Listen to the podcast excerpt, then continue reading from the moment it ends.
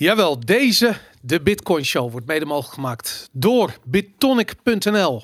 Een van de oudste en meest gerenommeerde Bitcoin bedrijven van Nederland. Je kunt hier Bitcoins kopen, verkopen en eh, ze zijn ook nog eens eh, heel gezellig. Je weet toch. Ah, de kikker ligt weer goed. It's the Bitcoin Show with our very special hosts, Aaron, Boris, and Jan Willem. Yay! Ah, jawel, de Bitcoin kikker ligt hier op tafel. Hij is groen, dus je ziet hem niet thuis. Nee, want Thuis hebben in bruin. ja, hij is bruin geworden. Hij lijkt bruin inderdaad. De ja, Bitcoin op, eh, kikker. tv. Ja. Het is een soort inside joke die zelfs voor ons de inside is. Want eigenlijk weet ik niet waarom de Bitcoin kikker hier ligt. Aaron, jij hebt Ja. Kermit toch? Oh, jezus. Ja. Oh, zo, Boris. zo voor de hand liggend. Mijn moeder had hem eh, meegegeven. Ja, nee. Dan hebben we onze eigen zij, Kermit. zij snapt dat. Ja, nee, ik had al het idee dat ik dement aan het worden was. En eh, nu is het bewijs geleverd in deze 17e de Bitcoin Show. Een maandag special, Boris. Het is een maandag- ja, Jan? Dat, dat weet niemand verder van onze Oh, zenden we het pas woensdag uit? We, we zenden het pas Oh. woensdag uit. Denk het wel, inderdaad. Ja. Nou, dan we, nemen hem niks iets, gezegd. we nemen iets eerder, eerder op. Ja, woensdag pas. Ja, dat... eh, dat eh, Maar dan lopen we straks misschien twee... Morgen, morgen Ja. komt er knijter groot nieuws naar buiten en dan zit het niet in de show. Ja. Dat is een groot risico inderdaad, ja. Maar goed, anyways. eh, dit is de 17e Bitcoin Show. We hebben heel veel nieuws. Eh, het wordt een eh, leuke aflevering. Maar laten we beginnen met de huishoudelijke mededelingen. www.bitcoinshow.nl voor als je onze website nog niet kende. Nu met SSL support. Je weet het, je kan volledig geencrypt eh, opzoeken wanneer de nieuwe ehm, meetup is. Die is namelijk 18 december. Ja. Volgende week woensdag. is vet toch? Ik heb er fucking veel zin in. ja, ik ook wel, ja. Ja, ik moet zeggen dat eh, het feit dat, we, eh, dat er twee maanden tussen zitten, bouwt de spanning wel een beetje op, moet ik eh, zeggen. Maar het Ik maakt, het maakt toch helemaal geen verschil dat de site nu encrypted is? Je, je voert toch geen, helemaal, helemaal geen informatie? Ja, je stuurt helemaal geen data naar de server, dus het maakt helemaal niet... maar Dat, dat, is waarom we eerst ook geen SSL-encryptie hadden. Maar toen kreeg ik toch te horen dat de wachten. Ge- bezoekers gevoelig waren voor man in the middle attacks. en weet ik veel wat. Een hele me- hoop mensen hebben HTTPS. Oh, dat kan nog wel man in the middle Ja, attack. en dan ja, ja, dat kan. ja. Ja, nee, maar dan, dus jij Dus dan, denkt, dan, dan staat er een verkeerde datum voor de meet. Dan word je... sta je daar dag te vroeg bij de. Bitcoin Show. Ja, Bijvoorbeeld, ja, terwijl je wallet wordt leeggehaald. Maar anyways, dat, ehm, Heb Eh, je dat ISP is- met je zitten fucken. ja, inderdaad, ja, dat kan gewoon gebeuren. Dus nou, dat, heel goed dat we dat eh, hebben dat- voorkomen. dat dan. risico hebben we afgedekt, absoluut. We zijn, eh, we zijn heel verantwoordelijke eh, contentmakers. 5 euro aan de deur met Ja. Lightning of met Mainnet. En binnen Ja. kun je ook met Lightning, Mainnet en met Pinpas. En kun je ook met cash betalen trouwens? Nee, volgens mij niet. Nee, hè? Weet ik niet. Natuurlijk kan het. ik heb vorig Alles kan. Nee, dat kan niet. betaald. Nee? Nee? Nee. Oké. Dus neem je bitcoins vooral mee. Ja, je kan met afwassen betalen. Dat kan wel eh, bij de. Goed, anyways, eh 18 december begint om 6 uur. Eh, gezelligheid. Kom eh, gezellig langs. Het wordt echt eh, super tof. Ehm, ik dacht. eh, oh, we hebben ook een nieuw e-mailadres voor je tips. Dat is hello at thebitcoinshow.nl. En we de zullen, oude het ook nog? Ik denk het wel, maar ik weet ze- wel zeker Was de dat nu- oude een Gmail? was een Gmail. Oh, die, die gaat nu echt nooit meer gecheckt. Nee, dat weet ik wel. We Dus, gaan even alle berichten die we daarvan hebben, gaan we even op een stapeltje leggen. ja, eentje was dat er. Was maar eentje. Was er één.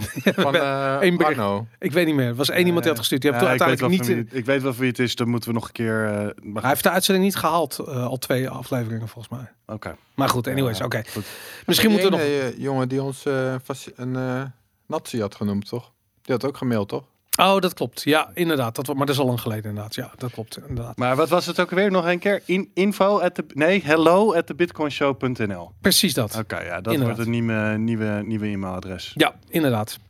Eh, natuurlijk hebben we ook onze ehm, eh, Telegram channel stay.me slash de Bitcoin Show. Eh, vorige week hadden we een, ehm, een vraag eigenlijk. Kwamen we achter terwijl we het onderwerp aan het behandelen waren. Maar er is, eh, het is mogelijk om een, iemand die een bericht plaatst in t.me slash de Bitcoin Show. Om die een te tippen. Op dat ogenblik komt het bericht in de Bitcoin Show Highlights Telegram channel. En dat tippen, dat, je hebt tips en je hebt fooien. Je kunt iemand een tip sturen door te zeggen van... hé, hey, je moet dit even checken, dit is leuk. Dus vandaar dat woordgrapje tip is dus dubbelzin. Je, dus je tipt een aantal satoshis, dan wordt de tip ook getipt als tip. Als je begrijpt wat ik bedoel. Ja, ik, ik, vorige week eh, had ik het ook alsmaar over, over tippen. En toen vroeg jij de hele tijd, je bedoelt toch geld over te sturen? Maar het, is, het Nederlandse woord is natuurlijk fooi. Ja, je nee, je kan in Nederland ook tippen zeggen? Ja, doe dat Kun je dat? Nee, toch? Nederlands woord. Nee, Ja? ja, een, Ja. een tip. Dus, eh, maar goed, je kunt daar dus twee. Er zijn twee verschillende bots die je kunt gebruiken om dat te doen. Ja. Dus de LNTX-bot en dan de Bottle. Bottlenet. Ja, Bottleneck. Bottle, eh, Bottle-P. De Bottlebot. Bottle-P-pot. Ja. Whatever. bottlebot vind ik. Ze Dus, moeten het de bottlebot eh, noemen. Maar goed, die, die, die goed. met die twee kun je er dus zeg maar op je in, in je Telegram kun je een geïntegreerde eh,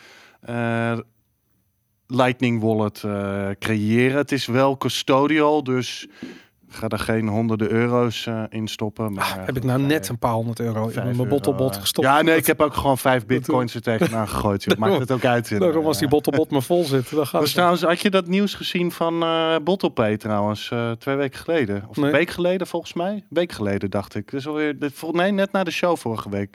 We hebben nu iets gebouwd dat je, eh, als je geld wil, eh, aan, naar iemand geld wil sturen in een social media app, dus eh. Facebook, WhatsApp, whatever, Telegram, Ja. dat je nu ook gewoon een link kunt sturen. Dat was toch wel zo. Nee, volgens mij was dat, nee, dat was, nee, het was geen. Ik heb het via Twitter gedaan, via Telegram gedaan. Ja. Daar kon ik gewoon over. En je hebt gewoon een account op je bottlebot.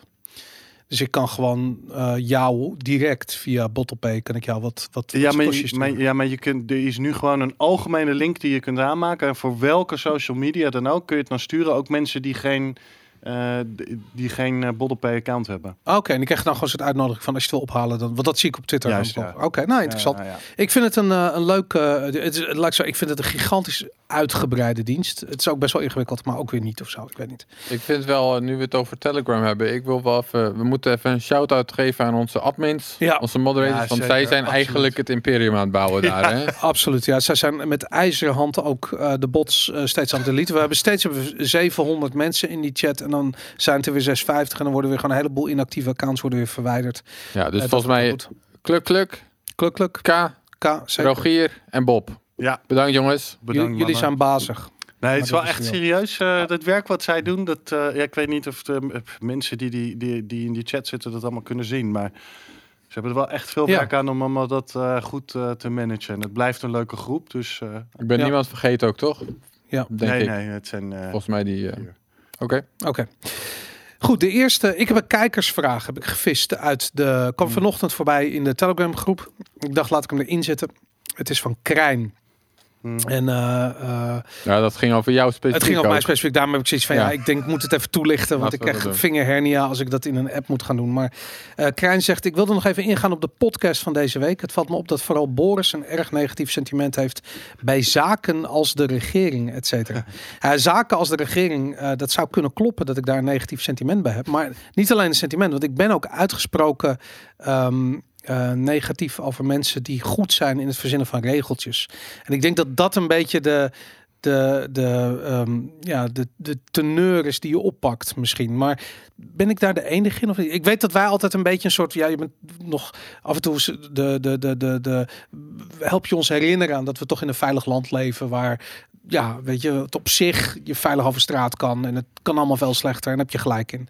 Terwijl ik juist meer zoiets heb van... Ja, maar we staan aan de vooravond van, het, van, van, van de zombie-apocalypse of Ik zoiets. ben eh, vrij sceptisch eh, over eh, zeg maar een uitgebreide rol van de staat in de samenleving. Ja. Ik denk zeker dat in Nederland en, en een hele hoop andere ideeën, naar mij, mijn idee, het probleem is dat de staat veel te veel interventie eh, heeft in eh, wie we zijn en wat we doen. We moeten in principe over het algemeen eh, vrij, kunnen, vrij kunnen handelen op allerlei fronten. En dat, ja, dat, dat, dat kunnen we nu gewoonweg niet. Eh, daarmee heb ik niet het idee dat de staat compleet moet ver- verdwijnen of eh, er, niet, eh, er niet moet zijn. Eh, maar ik ben zelf ook vrij sceptisch over de staat. Het verbaast mij altijd weer hoe optimistisch mensen zijn over eh, de kunde van eh, de overheid en, eh, en, en onze bureaucraten, zeg maar, om eh, regels te verzinnen die, die zeg maar bijdragen aan de maatschappij. Ja, dat kunnen ze tot op een bepaalde hoogte. En ik zeg ook niet dat het niet moet zijn. Maar ik denk een van de valkuilen, juist zoals Milton Friedman in 1990 of zo ergens zei. Eh, de overheid heb je nodig voor bepaalde dingen, om bepaalde dingen te doen. En het, eh, ja, een beetje het eh, ironische aan, het, aan de huidige overheden is dat ze die dingen zelfs niet goed doen, omdat ze juist veel te veel dingen proberen te doen. Ja. Nou goed, daarmee bedoel ik niet zeggen dat alles ellende en negatief en, en, en whatever. Maar ik. ik en, en ook niet dat je geen overheid nodig hebt. Alleen ik snap. ehm, ja, wat, ik, wat mij in Nederland eh, vooral opvoelt. Ik ben natuurlijk in Texas gedeeltelijk opgegroeid. En daar is er gewoon een gezond scepticisme over eh, de overheid. En ja, weet je, hier. Ik, eh, ik zie het toch vaak wat minder. En, de en de overheid stuurt die memes in de wereld die maar een beetje klakloos worden nageaapt. En dat, dus ik ben er ook vrij sceptisch over. Maar ik denk dat ik dat misschien op een andere manier uitdruk. Ja, Dan ja, jij. ja, goed. Ja, Hoe, hoe denk jij erover, Aaron? Nou, ik weet niet precies waar Krijn op welk gesprek van ons hij doelde of, of iets in die trant. Dat, dat weet ik niet. Maar misschien, ik kan me voorstellen dat het ging over iets van privacy. Of, Ik denk vorige Nee. week met die, met die, met die Tweede Kamer. Nou ja, eh, precies. Ja. Wat ik een beetje wel uit zijn bericht haalde, en misschien klopt dat niet, is dat hij het heeft van ja, onze, die mensen die daar zitten zijn onze volksvertegenwoordigers. En die hebben wij eigenlijk de macht gegeven om, om regels te maken. En als we willen dat die regels anders worden gemaakt, dan moeten wij dus daarvoor zorgen Ja. hè, als eh, volk dat, dat, dat, dat we andere volksvertegenwoordigers krijgen. En dat, de- hè, echt een beetje dat, dat politieke proces volgen om dat voor elkaar te krijgen. Ja. Nou, dat heb ik niet zo heel sterk. Daar geloof ik niet zo heel erg sterk in. Ik denk dat eh, niet alles hoeft gekanaliseerd te worden via die volksvertegenwoordigers. Je kunt juist dingen zoals privacy ook zelf afdwingen door middel van technologie. Ja. En dat is denk ik ook wat Bitcoin doet. En dat is waar cypherpunks voor staan. Maar vinden Dat, jullie... die, dat, dat, dat je technologie bouwt waarmee je dat voor jezelf kan beschermen. Ongeacht wat volksvertegenwoordigers doen. Ja. En op het moment dat zo'n technologie door de samenleving verspreidt, dan kunnen volksvertegenwoordigers er ook niet meer omheen dat zoiets er is en dat iedereen dat gebruikt. Ja. Dat heb je eerder gezien met iets als BitTorrent, dat als iedereen gaat downloaden, dan is, dan, dan, dan is het hek van de dam en dan kun je er ook niks meer aan doen. Ja. En ik denk dat in die zin is technologie een veel grotere drijfveer van eh, de menselijke geschiedenis, de menselijke samenleving dan politiek. Politiek kan hooguit Ja. Eh, wat, eh, wat kaders scheppen. Maar, maar ook dat is heel erg vloeibaar op, basis van wat voor technologie er is en wat voor sentiment er in de samenleving heerst. Dus ik vind wel dat we moeten uitdragen dat privacy belangrijk is. En dat, moet, dat moeten we goed proberen uit te leggen. Mhm. Nou, wij hebben een podcast waarin we het over dat soort dingen hebben, onder andere. Dus aan ons ligt het misschien. Je kan altijd meer doen, maar eh, dat doen we in ieder geval. En, en, maar dat is op wie ik me zou richten. Op andere mensen, op andere Nederlanders, op andere wereldburgers. Ik ben niet bezig met dan op die volksvertegenwoordigers te richten of, of dat proces per se te volgen. Ja. Maar het hangt ook een beetje vanaf wat, eh, wat je definitie is van eh, politiek. Hè? Dus eh, tijdens de Koude Oorlog is. eh, eh, om een duidelijk onderscheid te kunnen maken tussen zeg maar communistische, socialistische stelsels en democratische stelsels, is eh, democratie heel erg gelijkgesteld aan stemmen. Eh, Mhm. Maar democratie is veel meer dan alleen dat. Sterker nog, eh, onze huidige inrichting, hè, waar democratie vooral is op, gericht op stemmen, zouden de oude Grieken die democratie hebben uitgevonden tussen aanhalingstekens, want dat is niet Mhm. helemaal waar, gelijkstellen aan aristocratie. Dus democratie, en, zeg maar, het stemmechanisme werd altijd eh, gelijkgesteld aan, een, eh, ja, aan het hebben van een aristocratisch eh, effect en een aristocratische tendens. Omdat je altijd stemt op de mensen die het meest in het voetlicht Omdat je altijd stemt op mensen die wat anders zijn in de maatschappij, et cetera, et cetera, et cetera. Ehm, en de oude Grieken die zeiden, stelden democratisch mechanisme eigenlijk gelijk, gelijk aan een loting. Dus als je random mensen selecteerde voor bepaalde plekken, daar waren natuurlijk ook wel weer bepaalde eisen aan. Maar goed, dus, maar democratie is volgens mij veel eh, meer dan alleen stemmen. En sowieso stemmen een heel imperfect mechanisme om controle uit te oefenen op wat jouw volksvertegenwoordigers eh, doen.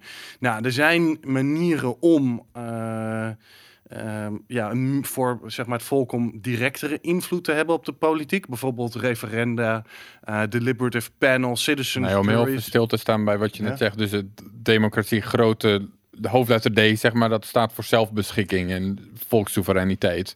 En dat soort grote waarden. En inderdaad niet per se het proces wat we daarvoor nu hebben ingericht om dat waar te maken. Nou, Ja. K- klopt. Ehm, maar goed, je hebt dus ook. Je, je zou dus meer populaire elementen in de politiek kunnen op, bouwen wat, wat meer weg zou hebben van democratie, referenda, deliberative panels, citizens juries. Eh, nou, dat soort dingen worden in Nederland vooral eh, allemaal weggewuifd. eh, lijkt het. afgeschaft, worden gewoon eh, afgeschaft. Ja. Maar zijn natuurlijk wel andere middelen die je hebt. Bijvoorbeeld hè, door met je tractor naar het Malieveld te gaan. Of hè, bijvoorbeeld, eh, zoals eh, als, als Aaron eh, zegt, ook welwillend zijn om dingen te gebruiken die tegen de gevestigde orde in, ingaan. En bijvoorbeeld een podcast maken waarin je uit waarom je dat, eh, Ja. dat doet. Dus. En dan, dan eventjes naar, naar Bitcoin. Die, wa- waar, waarom ik denk dat in ieder geval wij dat met z'n drieën gemeen hebben. Maar ik denk heel veel Bitcoiners dat met elkaar gemeen hebben. En waarom dat je daar zoveel libertariërs tegenkomt bijvoorbeeld. Is omdat eh, Bitcoiners juist technologisch eh, en qua een visie op wat geld zou moeten zijn. Hmm. Wat hard geld zou moeten zijn. eh, eigenlijk botsen met de denkbeelden die de meeste regeringen, eigenlijk alle regeringen, op een, misschien een paar uitzonderingen daar gelaten, ehm, eh, uitdragen. En we zien dat in Nederland bijvoorbeeld dat eh, eh, cashbetalingen boven de 3000 euro verboden worden van privépersonen naar bedrijven bijvoorbeeld. Dat betekent. Je eh, nog niet doorheen, hè, het wetsvoorstel. Nee, maar dat gaat wel gebeuren. Praat alsjeblieft goed duidelijk. Oh, sorry, ja. het- Maar nee, wat, wat ik begrepen heb, is dat dat... eh, ehm, eh, tenminste, daar is nu over gedebatteerd. Daar kwam bitter weinig weerwoord op. Dus ik, ga, ik, ik, ik maak mezelf geen illusies. Dat gaat er gewoon... eh, de- er is geen enkele parlementariër, misschien op maar hier... Krommend dit soort Het, discussies het is stenen ja. Maar ik vind, ik moet, moet ik wel zeggen, ik vind het goed hoe Mahier Alkaya doet van de SP nota bene. Ja, vond ik ook die wel, ja. als, denk ik, als enige snapt wat Ja. Bitcoin is en waarom het belangrijk is dat mensen in ieder geval een soort eh, vrijheid hebben van transactie. Omdat het ook een vorm van communicatie is, namelijk. En ehm, wat overigens, eh, nog even over die 3000 euro regel. Dat betekent dat wij straks ook, stel je voor, ik bedoel, eh, wij zijn met z'n drieën freelancers hier. En je wilt een factuurtje versturen van meer dan 3000 euro. Dan kan die dus niet in Bitcoin betaald worden. Dat is gewoon zometeen straks tegen de wet. Ja, dat staat er nu dan nog niet specifiek in, maar je denkt wel, dit zou wel logisch, nou logisch niet, maar eh, ik kan me wel voorstellen dat ze daar uiteindelijk naartoe zouden Ik heb gaan. iemand, misschien was het Simon Lelyveld, dat al horen zeggen dat dat ook keihard voor crypto betalingen zo meteen gaat Shores was het. Eh, Shores was het, je hebt gelijk. gelezen van. Shores eh, Provost, inderdaad was het, ja. Maar goed, dus dat. Ehm, dus als je enige negativiteit eh, ontwaart, dan is dat daarop terug te brengen. Ja, maar het is, het is wel, dus ik denk, waar zij, eh, nogmaals, het is betekent niet dat eh, alleen maar tegenaan schoppen en alleen maar negatief, alleen wel gewoon gezond scepticisme Ja. over de overheid. En dat is er, naar mijn idee, echt te weinig eh, in onze ma- maatschappij. Nou, en eh, vooral, wees niet naïef. Ik, ik Wees bedoel, niet naïef. Nee, het verbaast mij hoe naïef mensen hier. Absoluut. Nou, dit, dat, dat thema gaat nog terugkomen, deze, eh, deze podcast. Anyways. Goed, laten we beginnen met het eerste onderwerp. Deutsche Bank heeft een, een, een magazine wat ze om de zoveel tijd uitbrengen. Dat heet Concept.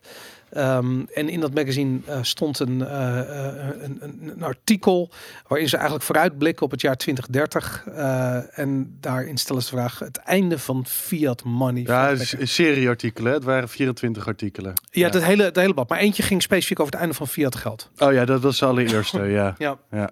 Wij, jij hebt dat gelezen, Jan? Vond je de, wat vond je? Eh, ik, heb, ik, heb, nou, ik heb niet alle artikelen gelezen, maar de meeste artikelen wel. Ja, ik moet zeggen, ehm, voor de mensen thuis die het eh, niet hebben gelezen en ook niet gaan lezen, het is eh, niet per se dat Deutsche Bank verkondigt, eh, dit is hoe de wereld eruit gaat zien. Het zijn eigenlijk exercities om na te denken over hoe de wereld er enigszins plausibel misschien in de toekomst zou kunnen uitgaan Ja. zien. En dat is door individuele mensen zijn daar stukken aan bijgedragen. Dus het is ook niet alsof de Deutsche Bank hierachter staat. Ja. Ik vond zelf, eh, er waren, was ook een artikel over cryptocurrencies in specifiek. Ik vond dat niet zo heel bijzonder eigenlijk. Ik vond het eerste artikel, de End of Fiat Money van Jim Reed, vond ik eh, wel interessant. En dat is misschien wel de moeite waard om te lezen ook. Die was drie of vier pagina's. Ehm, hij zegt eigenlijk, eh, even kijken, ja, wat zegt hij eigenlijk? Eh, hij is een van de dingen die hij zegt die we ook heel interessant vonden. En dat, dat klopt naar mijn idee ook wel. Ehm, hij zegt als je fiat geld hebt, zie je vaak inflatie, omdat eh, ja, de politieke druk om geld te drukken toch vaak te sterk eh, blijkt eh, te zijn. Mhm. Ehm, waarom hebben wij dat dan eigenlijk niet gezien sinds de jaren 70, sinds de Bretton, Bretton Woods is eh, afgeschaft? Dus voor degenen die dat niet weten, Bretton Woods was dat systeem bedacht na de Tweede Wereldoorlog, waar geld nog in een bepaalde mate door goud eh, was gedekt. Dat is afgeschaft door Nixon in 71 of 70. Ik weet, ik weet niet meer. 71. Uitgesteld, hè? Uitgesteld? Ja, uitgesteld. Hoe bedoel je? Ja, dat is tijdelijk. Oh, het was tijdelijk. Ja, ja, ja. ja, het ja, ja. Kan nog teruggedraaid Ja, ja. Ja. Oh, Oh, even. Maar de, Dat lucht op.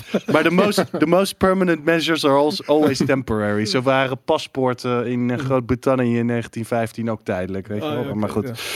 Ehm, hij zegt eigenlijk, hoe kan het nou dan? Want je zag in het begin, na die Bretton Woods, een enorme inflatie. Hoe kan het nou dat we uiteindelijk die inflatie eh, in de afgelopen 30, 40 jaar, die hele sterke, er niet is geweest? En zijn punt daarbij was, even hè, als side note, dat er bijvoorbeeld in de huizenmarkt en zo wel Mhm. natuurlijk eh, behoorlijke prijzen hebben die zijn geweest. Maar dat even. Gezondheidszorg, scholing. eh.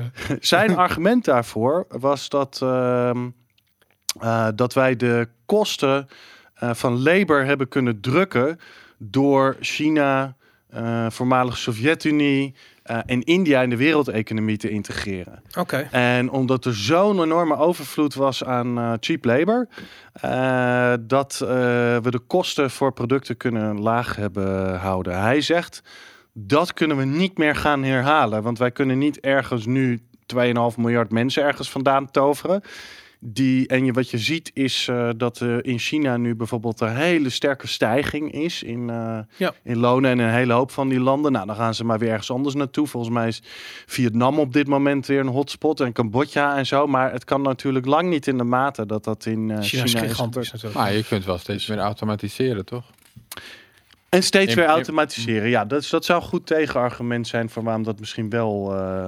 eh, dat je nog wel gedeeld. Maar ik vind sowieso dat de inflatieverhaal ligt natuurlijk ontzettend genuanceerd in de zin van dat eh, eh, ja, die CPI's is, is sorry, maar dat is een van de meest gemanipuleerde cijfers die we in onze economie kennen. Er zijn zo Nou, gemanipuleerd niet, maar misschien misleidend. nou misleidend dat dan Ja. misschien, maar ik vind Ja. het wel. Maar goed, oké, het is een het is een formule, een aantal 1500 eh, eh, eh, producten die in de consumentenprijsindex zitten, die allemaal voor een bepaald percentage meetellen. En die percentages worden elk jaar eigenlijk weer bijgesteld. Dus ja, dat dat toevallig precies onder de 2% blijft elk jaar is heel toevallig. Maar eh, sorry, maar die vlieg gaat niet op. Probeer maar eens een huis te kopen. Kijk maar eens wat er gebeurd is met de, eh, met, met de koopkracht van een weet ik wel, van een dollar de afgelopen eh, 50 jaar. Of, of van een gulden slash naar euro omgerekend zelfs. Dat is bizar. Maar dit, goed, dit maar- was een paper van de Deutsche Bank voor Nee, het is een magazine. je moet er ook niet te veel waarde aan hechten. Nee, het is het is gewoon een, een, een relatie. Het is een magazine, het is een special issue en dit was een contributie van Jim Reed. ja. En van er ook een van- hoofdstuk in over eh, als Deutsche Bank ten onder gaat. Dat wou ik zeggen, inderdaad. Ja. Hebben jullie heel toevallig eh Café Weltschmerz video met Arno Wellens gezien? Die, Nee. eh, de, de, Nee, de- ik zag hem wel voorbij komen, ja. Oké, nou hij, hij doet eh, wat hij heel goed. Hij heeft echt goed naar de cijfers van Deutsche Bank gekeken en heeft daar een eh, eh, Mm. eigenlijk een soort monoloog over dat eh, eh, ja Deutsche Bank is eh, technisch gezien gewoon failliet. En eh, eh, ik ben daarom ook wel benieuwd of Deutsche Bank zichzelf in 2030 nog ziet bestaan, want die kans is natuurlijk bitter klein. En dat, eh, ehm, ja, goed, dat komt daar dan weer niet in. Goed, Een van de dingen die hij ook zegt, en ik denk dat dat wel eh, klopt, onge- ongeacht waar die inflatie dan misschien vandaan komt, is dat als je, ehm, eh, als je zeg maar, die infla inflatoire druk gaat zien van, eh, van lonen, eh, ja, dan zou de respons van centrale banken eigenlijk moeten zijn om een strakker monetair beleid te implementeren. Dus met Mhm. hogere rentes, hij zegt dat kan helemaal niet. Nee. Want het is dit, dat ons huidig, we hebben zulke hoge niveaus van eh, schulden. Ja. Dat eh, overheden de, de pijn die we gaan voelen als, we die, als, we, als de rente omhoog gaat, dat, dat kan politiek gewoon eh, gezien gewoon niet. Dus hij vermoedt dat eh, er heel veel politiek druk gaat komen voor centrale banken om hun inflatietargets aan te passen. Dus in plaats van net onder de 2% wordt dat in Europa dan misschien, weet ik veel, net onder de 6% of iets, eh, of iets in die geest. En hij zegt juist dat er dan echt ruimte gaat komen voor alternatieve valuta. en een van, de- hij eindigt is toch met een vreselijke open deur. Kom op nou. Ik en hij eindigt, eh, hij eindigt met deze quote: Will fiat currencies survive the policy dilemma authorities will sorry, will fiat currencies survive the policy dilemma that authorities will experience as they try to balance higher yields with record levels of debt? That's the multi-trillion dollar tussen haakjes or Bitcoin question for the decade ahead. Dus dat vond ik wel. eh, Ik heb het idee dat hij, het is een bitcoin die zich ontzettend heeft lopen inhouden met het schrijven van dit artikeltje. Ja, dat, dat zou misschien kunnen. Ja. Er was ook een artikel specifiek over cryptocurrencies trouwens. Ik, heb niet, Eh, ik heb alleen dit gelezen, omdat ik het ik ja, de- geïnteresseerd hoe de Deutsche Bank Dat was aankijkt. van Marian Labour. Cryptocurrencies, the 21st century cash. Ja, en ik vond het niet heel goed. Want Ging het zij, over shitcoins of ging het... eh, Nou, nee, ze heeft het over cryptocurrencies in het algemeen. Maar ze had het over hè, dat ze snel waren en goedkoper en secure. En dat ze, ik weet niet, het was allemaal een beetje, ja. ja, een beetje twijfelachtig. Eh, maar zij ziet, omdat we toch van cash weggaan. En als je kijkt naar wat de consument, zeg maar, waarde aan hecht, is één, dat dingen digitaal gaan, gaan omdat ze dan sneller eh, zijn en efficiënter en whatever. Maar twee, ze hechten ook nog wel redelijk veel waarde aan de anonimiteit en privacy van cash. En zij zegt, ja, daar kunnen cryptocurrencies dus een, eh, een rol eh, spelen. Ja, nou ja, goed, ik denk dat dat wel waar Daar kan is. maar- cash ook een rol spelen als de overheid er met zijn vingers vanaf blijft. Maar goed. Ja, maar dat lijkt niet, Nee. niet te gebeuren. want meneer Hoekstra wil als Ja. soort van Calvinistische priester op gaan leggen aan iedereen wat, we, wat ze moeten gaan doen. Dus Het is verboden, zegt hij. Ja. Maar goed. Ehm, in ander nieuws. Wasabi, eh, de release candidate van Wasabi 1.1.10 is uit. Calvinisten hebben maar geen priesters. Dominee. Oh, is dat zo? ja, sorry. Ik heb echt geen idee. Ik ben, eh, ik ben geen specialist op dat gebied. Wasabi, eh, de release candidate van nieuwe Wasabi is uit. Aaron, heb jij, is de, geef je een fuck om Wasabi? Ik geef wel een fuck om wasabi. Ja? Ja, ja ik vind wasabi wel een goeie. Ja, toch? Ik vind dat ze goed werk leveren. Zal ik jou vertellen wat er eh, in deze... Ja, dat wil ik heel graag weten van jou, Boris. Twee grote veranderingen. Om te beginnen hebben ze de user interface aangepast. Eh, die schijnt eh, fantastisch. Ik heb hem nog niet geïnstalleerd. Staat echt boven aan mijn lijstje. Had het willen doen, ben niet meer aan toegekomen. Eh, maar wat ze ook hebben gedaan, ze hebben een full node integration ingebouwd. Zodat je de Wasabi wallet nu als full node kunt runnen. En ehm, ja. Ja, ik had aan de ene kant ook zoiets van wauw, dat is spectaculair. Maar aan de andere kant heb ik ook zoiets van het cirkeltje is volledig rond. Want Bitcoin Core is natuurlijk begonnen als eh, wallet slash node. En nu is een wallet weer ook een node. Ehm, is het zo dat wasabi zelf helemaal een full node is nu? Of is het zo dat als je een full node hebt, dat wasabi dat doorheeft en zegt: Oké, dan gebruik ik die als bron? Dat was al zo. Dat en was al zo. is het gewoon echt En nu is het echt op zichzelf gewoon een full node. Ja, Dan kan je die ook prunen het bijvoorbeeld. lijkt me wel, toch? Dat lijkt, kan me niet voorstellen dat het niet zo is. Dus dat, ik denk wel dat hij gebloemd kan worden. Ehm, wat ik er goed aan vind, aan die eerste instantie had ik zoiets van, waarom in godsnaam? Weet je, ik heb al een full node. Moet ik dan ook nog, nog een full node gaan draaien? Je hoeft het niet te installeren overigens. Ehm, maar wat ik er goed aan vind, is dat het zo... Dat scheelt. Ja, dat, dat scheelt inderdaad. Nee, maar wat ik er echt heel goed aan vind, is dat het zo... ehm, eh, ehm, het, het is voor beginners. En ik vind dat Mm. het belangrijk is dat Wasabi, wat een best wel geavanceerde wallet is, probeert geavanceerde features naar beginners te brengen. In plaats van dat ze, wat ze ook goed doen hoor, beginners proberen op te leiden tot ervaren Wasabi gebruikers. Alleen die drempel is vrij hoog. Dus nu hoop ik dat elkaar dat, dat, dat, dat wat naar, me toe, naar, naar elkaar toe groeit, bij wijze van spreken. En ehm, goed, Wasabi heeft een aantal eh, fantastische, uit bijvoorbeeld de ingebouwde coin joins, eh, de Chomian eh eh, coin joins, hoe heet het? Eh, ehm. Dat, dat doen ze heel erg goed. En ja, ik, ik vind het belangrijk dat iedereen dat gebruikt en dat iedereen dat, eh, daar toegang toe heeft. Ehm, dus in combinatie met je eigen nood wordt het ook daadwerkelijk zinvol om dat te gebruiken. Als je een coin join doet en geen gebruik maakt van je eigen nood, ja, dat is weggegooid geld eigenlijk. Hoezo? Ehm, nou ja, omdat je, je niet weet wat een nood allemaal registreert van jou. Dus als jij... Nee, nee, dat was niet zo. Ze gebruikten al iets in de trant van Neutrino. Is dat zo? Ja, ja, dus ze hadden wel al die privacy van een full node. Alleen niet de security van een full node. Dus dan hebben ze nu ook de security van een full node. Oh, oké. Ja. Oké. Nou, kijk, dat wist ik dus niet. Weer wat geleerd. Vet. Ze gebruikten Neutrino. Dat wist ik niet. Nou, vet. Anyways, eh, ze hebben ook een tof programma. Als je eh, meedoet met eh, het testen van de release candidate, dan kun je daar satoshis mee verdienen. Ehm, Is er ja. nog een goede reden om je... Ik heb zelf de intuïtie dat ik eh, ja, gewoon mijn Bitcoin eh, Core full node apart eh, zou houden. Zodat ik er andere dingen op zou kunnen aansluiten dan alleen Wasabi. Ja, Ik weet dat niet. kan Hoe staan jullie daarin? Zou dat ook kunnen gewoon maar met het die een sluit het ander niet uit. Met Bitcoin Core kan je gewoon meerdere wallets eh aansluiten. Kijk, wat, wat ik handig vind. eh, stel je voor, je zit in een situatie dat je even niet bij je full node kan. Ik zeg maar wat, weet je. Mm. Nou, dan heb je toevallig op je laptop ook een full draaien. Die misschien heel eventjes wat filters moet binnenhalen. Ik, weet, ik heb geen idee hoe dat er precies gaat werken. Maar ehm, ja, d- het is een goede backup. En als je wel bij je Mm. eigen full kan, nou, dan gebruik je die. En, en ja, je hebt gewoon keu- keuzes altijd goed, denk ik dan. Ook al neemt het 500 gig in op je, op je harde schijf. Maar Maar voor beginners is het inderdaad wel goed dat het allemaal geïntegreerd is. Eh, Daarom. En als je een Prune draait, nou wat is het, 2, 3 gig of zo. Ja, god, ik ken videogames die een tienvoud daarvan zijn. Dus het is eigenlijk niet zo eens zo heel veel. Ja. Nou, cool. Goed, ehm, eh, er kwam een mooi Medium artikel voorbij. Eh, en dat ging eh, erover wat voor. het, gaf, het was eigenlijk een beetje een soort vogelvlucht eh, van alle ehm, technologie die op dit ogenblik in ontwikkeling is voor Bitcoin. Lucas Nuzzi heeft het artikel geschreven.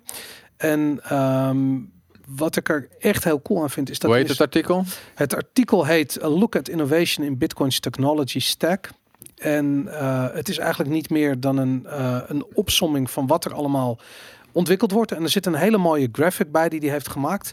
En als je dat zo ziet, hè, ik ga even van jullie laten zien. En we gaan het over allemaal hebben. Nou, We gaan zes, deze aflevering is zes uur van- lang. we gaan beginnen bij mining. Stratum 2. Nee. Maar het, het, het is echt wel veel, weet je. En ik, heb wel eens, ik heb wel eens de vergelijking gehoord van... stel je voor dat Bitcoin een bedrijf was. En je zou deze innovatie zou je moeten inkopen.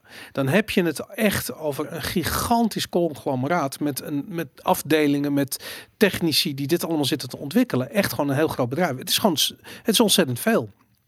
En, dat, eh, eh, en sommige van die dingen zijn helemaal geïntegreerd. En sommige dingen zijn helemaal, zoals BTC-Pay-server, dat staat helemaal los daarvan. Maar is wel heel erg belangrijk onderdeel van Bitcoin geworden inmiddels. Omdat als jij betalingen wil accepteren in Bitcoin, en dat wil je natuurlijk zelf doen, ja, dan, dan is een tool als BTC-Pay-server is gewoon eh, ontzettend waardevol. Dus dat, eh, en hetzelfde geldt natuurlijk voor de, voor, voor de, voor de mining-algoritmes die eh, verbeterd worden. De sidechains die ontwikkeld worden, waarvan we natuurlijk allemaal Lightning kennen, maar... eh, dat is of een layer dat is 2, geen sorry. Nee, het is geen, sidechain. ja, de, de layer daar, Lightning Network staat er, maar er zijn dus... En in de meeste van die dingen wordt ook wel actief gewerkt. Er zitten ook een paar tussen, volgens mij minder. Drive Chain is, is ja, Paul Storch nou nog mee Ja, bezig. Paul is er al mee bezig hoor. ja. Ja, zijn er ook andere mensen mee bezig? Ja, hij, één andere volgens mij. Eén andere. Eh Cryptax of zo heet hij volgens mij. Even denken hoor. En dan eh, de. Omnidex. Ik had niet het idee dat Omni nog heel erg dynamisch onderhouden was. Maar Eh, nou, dat bestaat ook nog wel volgens Ja? mij. Nou, nee, het is niet heel erg. Voor mij is dat niet heel erg. Cryptax heet die gast van DriveChain. oké. ja. Ja, eh, wat zei je? Omni. Ja, volgens mij is dat inderdaad eh, een beetje. Ik weet niet. Er, Maar zijn, zo- er zijn nog wel rare peppers, denk ik, op te, op te vinden. Heb je ze nog? Nee, Rap Rappers zijn op Counterparty. Ja, maar dat is Omni. Dat- Dat is hetzelfde, toch? Eh, Volgens mij is dat ben ik nou in Om- de- Omni is Oh, gewoon een nieuwe naam Nee, voor joh, ik zit Counterparty. Maar ik... oh, ja, klopt ja. Volgens Daar staan, ben- daar staan al je rare Omni is peppers, niet... Wacht even, nou ik dingen door elkaar. Wat heet... wat vroeger nou Mastercoin heette, hoe heet het nu dat? Hoe heet dat nu dan? Bestaat dat nog? Nee, Mastercard is... on- of, Mastercard. Nou, maak er helemaal een, een puinhoop van. Mastercoin is nu toch Omni, of niet? Ik dacht dat Counterparty Omni was, maar ehm, misschien... eh, Nee. Nou, gaan- we gaan even- live zitten We gaan live even opzoeken. Gaan jullie maar vooral Maar goed, door? er gebeurt veel inderdaad. Er gebeurt op allerlei vlakken in Bitcoin gebeurt er veel. Er zijn veel works in progress. Mining wordt op allerlei manieren beter gemaakt. Layer 2 wordt op allerlei manieren beter gemaakt. Sidechains wordt aan gewerkt. Ja. Privacy. eh, de, ja, eh, de, de peer-to-peer layer krijg je dan Dillion voor. En eh, ja, er gebeurt veel. Dandelion. Het, is- ik, zo spreek je het uit? nou, Dandelion heb ik gehoord. Ik hoor echt alles. ik, Maar ik, zou het niet weten. Ik, Het is- durf me, de, het ik is waag gewoon- me er niet aan. Het is maar- gewoon die bloem. Ja, daarom. Ja, nee, Ik weet niet hoe je dat uitspreekt. Nee, ik ook niet. Goed zo. Nou, anyways, eh, er gebeurt ontzettend veel in er Bitcoin. gebeurt veel. Dat, is de, dat was het punt Dat was wat het we even wilden punt maken. van deze. eh, hij heeft ook een gigantische medium post van meer dan 2000 woorden. Waar zijn jullie het meest enthousiast over? Over de dingen die ertussen? Oh, ja, en Mastercoin is Omni. Mastercoin is Omni. Ja. en Ja. Counterparty dan? Counterparty heet dan nog gewoon Counterparty. Ja. Dacht En, daar Rare Peppa op. Rare Pepe is op Counterparty, ja. Spells of Genesis ook. Waar ben jij het meest eh, enthousiast over, Aaron? Eh nou ja, Rare Peppa staat er niet op. Dus dat, dat kun je nagaan. Er staan zelfs dingen niet op. En, eh, nee, ja, ik, ben, ik voel me altijd een beetje verplicht. Ik vind dat privacy is het belangrijkste. Dus, ehm, nou, wat, wat staat er op de kaart? Boris? Nou, we- Mass, Ah, Taproot, Snor, Script Snor, ja, tuurlijk. Snor, eh, Taproot, dat is wel echt huge als dat, eh, als dat er komt. en dan heb je nog, maar heet dat, staat onder de smart de. Zero Link, Ja, Boris, wij kunnen niet zien even Oh, sorry. Dank je wel. Snicker, waar we het over gehad hebben. Pay to Endpoint, Zero Link, Value Shuffle, wat ik nog nooit van gehoord heb. Ehm, dan heb je nog van die oldschool dingen zoals Tumblebit, CoinSwap.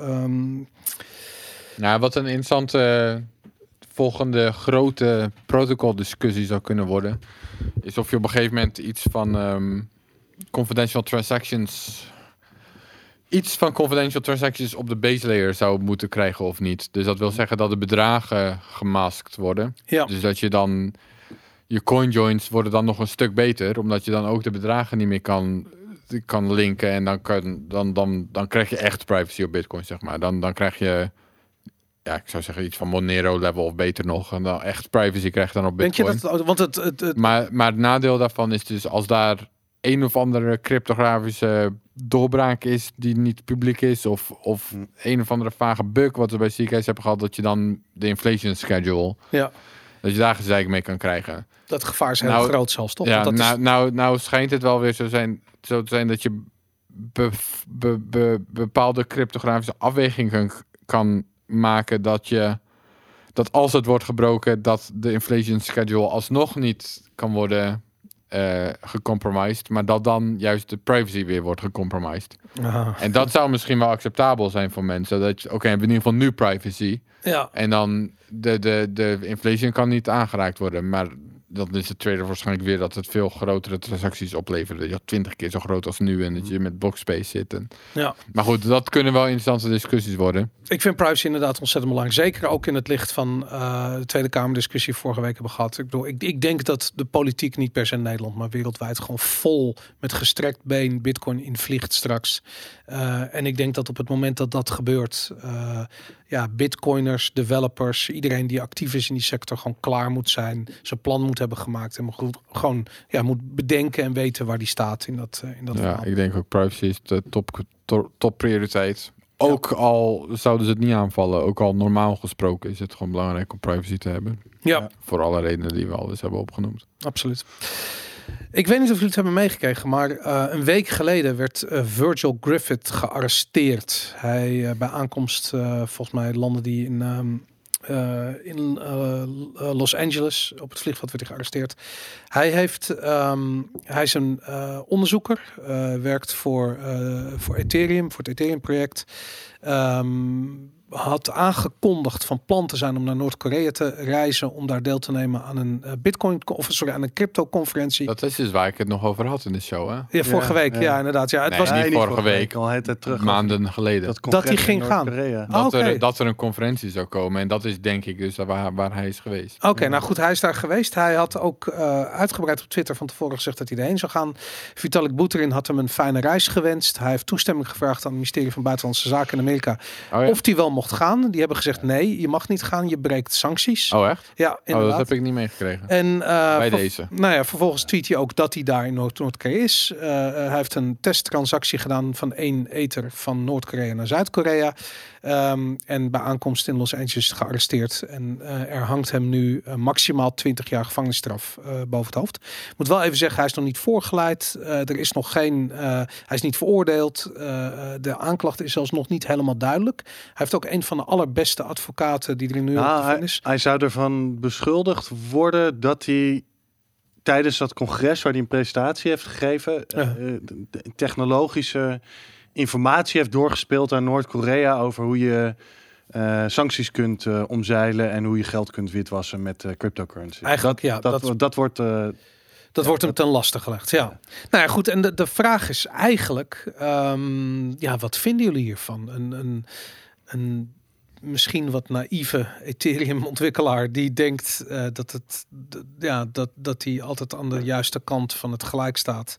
Die gaat hier, eh, komt hier eigenlijk eh, in aanvaring met het Amerikaanse wordt rechtssysteem. trouwens door de foundation leek het redelijk onder de bus eh, gegooid. eh. Ja, Ja, is dat zo? de, dat, ja, ik, ja, ik heb de veel reactie op het artikel. We hebben er niks mee te maken en dit was allemaal persoonlijke titel en dit en dat. En, Ja. nou, Ja, iets dat meer wel. Maar kunnen- goed, Vitalik had wel weer een... eh, Ze, ze wisten dat hij ging. Vitalik heeft gereageerd. hoe, hoe noem je dat? Een petitie gestart, toch? Oh, wel een Oh, petitie. ja, in oké. zijn, eh, dat ja, weer vrij dat dan worden wel. Dat gelaten. had ik niet gezien. Over petities gesproken. De petitie van Ross Ulbricht heeft 250.000 handtekeningen nu. Een kwart miljoen. Ja, Aardig wat. Ik moet je wel zeggen dat, eh, kijk, je noemt nu Ross Albright in één eh, eh, adem met Virgil Griffith. Ik vind dat er een wereld Ja, er van verschil tussen die verschil twee is. ja. Kijk, het idee van die Virgil Griffith was dat hij eh, de, de onderdrukte Noord-Koreanen zou helpen met het zichzelf de keten af te werpen. Nou ja, bedoel je de onderdrukte mensen of bedoel je de Nou ja, goed, dat is- overheid die dat dan is natuurlijk waar het om gaat. En dat Ja. heeft Alex Gladstein van de Human Rights Foundation ook eh, direct getweet. Hij zei van ja, als je naar Noord-Korea gaat eh, als westerling of als buitenlander en je denkt dat je daar ook maar in contact gaat komen met gewoon de mensen, dan vergis je. Je bent altijd dan ben je alleen maar naïef. aan het eh, inderdaad communiceren met, met de overheid. Ehm, ik ben geen fan van de overheid, maar waar ik echt geen fan van ben, is de Noord-Koreaanse overheid. Dus het, de, de, de naïviteit van deze eh Virgil Griffith, die is, eh, eh, ik, vind, ik vind hem mind-blowing. Ik, ik, Ja, ik, Hoe ik, krijg je Nee, het maar? Boris, toen ik het vorige keer had over die conferentie, toen zei jij wel dat dat een vet idee was, een conferentie in Noord- Noord-Korea. ja, en al die maximalisten Maar die erheen zouden Hij gaan. was, vol- de- volgens mij was de congres in Zuid-Korea Zuid-Korea voor Noord-Koreanen georganiseerd. dat, dat is waar Aaron het over had. Want dit Nee, is wel daadwerkelijk in over Pyongyang. Nee, nee, in over. Noord-Korea. Nee, hij is in Pyongyang. Dit was toch niet in Dit Zuid-Korea? was echt in Zuid-Korea. Nee, nee, nee. Ik heb het opgezocht. Hoezo zouden, er, hoezo zouden er dan Noord-Korea Koreanen zijn? Omdat, eh, ja, dat, dat, dat, dat, dat, dat weet ik niet, maar wat volgens Waarom zou je dan een foto over zijn paspoort laten? Volgens Dat Coindesk Zuid-Korea was dit artikel in Zuid-Korea. Nee, dat, Sorry, dat is dit congres in sorry, dat, Zuid-Korea. dat is niet waar. Dat lijkt me ook heel Ja, erg en dan sterk. gaan we, ik open het artikel Ja, nu, eh, waar we bij staan. Nee, Reuters. nee, je moet diegene lezen van, eh, van, eh, van Coindesk die hierover ging. Oké, nou wacht even. Eh, Ik ga het wel even opzoeken. Praten jullie van van verder over... Hij zei ook dat het tussen aanhalingstekens really cool zou zijn als ze cryptocurrency gaan gebruiken in Noord-Korea. Ja, nee, ik vind het, het is. ehm, ehm, eh, ja, ik, ik zit toch mee te lezen. To arrange delivery North Korea, equipment to create Ether. Ja, hij heeft ze uitgelegd hoe je moet minen, iets dergelijks. Ehm, Dat wisten ze al, denk ik. ja, one of the sources said Graphic said it would be really cool if Ether were mined in North Korea. Ehm,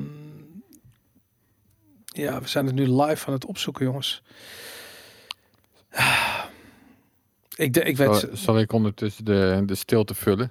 ja, met, stil. eh, nou, ik, ga, ik ga het zo snel niet. Volgens mij zitten ze in Noord-Korea dus sowieso al heel erg veel te minen. In ieder Ja. geval, dat is wel de, de, de berichten die je af en toe hoort. Ja. Dat ze daar op grote schaal aan het minen zijn. En natuurlijk zijn ze daar ook op heel veel aan het hacken. Hoor Ja, je altijd dat er wordt- de exchanges aan het hacken zijn. Jij ging het toch opzoeken terwijl Ja. ik de stilte aan het vullen was. Oh, Nu- oké. nee, ja, het hoeft niet hoor. Nee, nee, nee, ga Ik, verder. ik wat ben wat, gewoon wat een hebben ze keer? ik Wat, ben, je ik ben gewoon wat eh, feitjes over hij Noord-Korea. was in Je Noord-Korea. hebt gelijk. Ja, hij was in Noord-Korea. Nee, absoluut. Maar anyways, ik, eh, Alex Ladsien zei dus ook van ja, je moet niet naïef zijn als je daar naartoe gaat. Eh, ehm, eh, ik denk dat eh, hij in zijn en ergens. Weet je, ik, ik- het, klink- het is niet helemaal eerlijk dat ik dit deze vergelijking maak. Maar ehm, je krijgt natuurlijk heel vaak, krijg ik het idee dat eh, om Ethereum te soort van daarin te geloven, heb je een bepaald soort naïviteit nodig. Ja.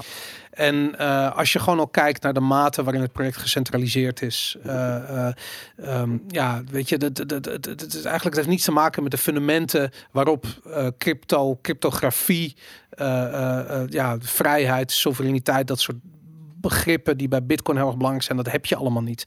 Ehm, en die, die naïviteit, dat zie je dus ook bij zo'n ontwikkelaar. Die gaat gewoon fucking naar Noord-Korea.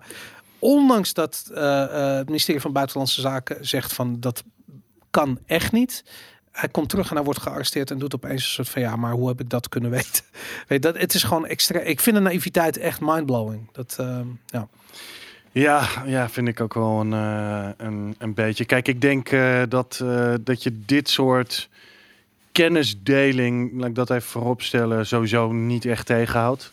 Ehm, dus aan die kant heb ik zoiets dat je van... het niet tegenhoudt, maar je kan het wel zelf niet doen. Je kunt wel zelf zeggen dat land eh, is meer een openluchtgevangenis dan een land. En als ik die mensen help, klopt, dan help ja, ik je- dus je kunt het, je de kunt het, gevangenisbewakers om die mensen te onderdrukken. En daar wil ik niks Klopt, mee te ja. maken hebben. Dat, dat Nee, maar dat is dan wat voor normale... andere redenen misschien dan dat er... Kijk, ik, ik, ik snap de motivatie van Amerika om sancties te heffen op Noord-Korea. Ik denk niet dat sancties heel erg effectief eh, per se eh, zijn. Nu al helemaal niet meer natuurlijk. Nee, dat denk, dat denk ik ook niet. Ik denk dat wat wel helpt met dit soort landen Nu is... ze eh, met Ethereum dus hebben leren werken, bedoel je? Atoombom op de blockchain. ik denk dat het wel zou helpen met dit soort landen is bijvoorbeeld eh massa-boycotts. Uh-huh. Eh, dat zag je bijvoorbeeld heel goed werken in Ze Zuid-Afrika. worden toch al, wat wordt er nog, wat kan je nog boycotten? Er liggen hier geen Noord-Koreaanse producten in de supermarkt, denk ik.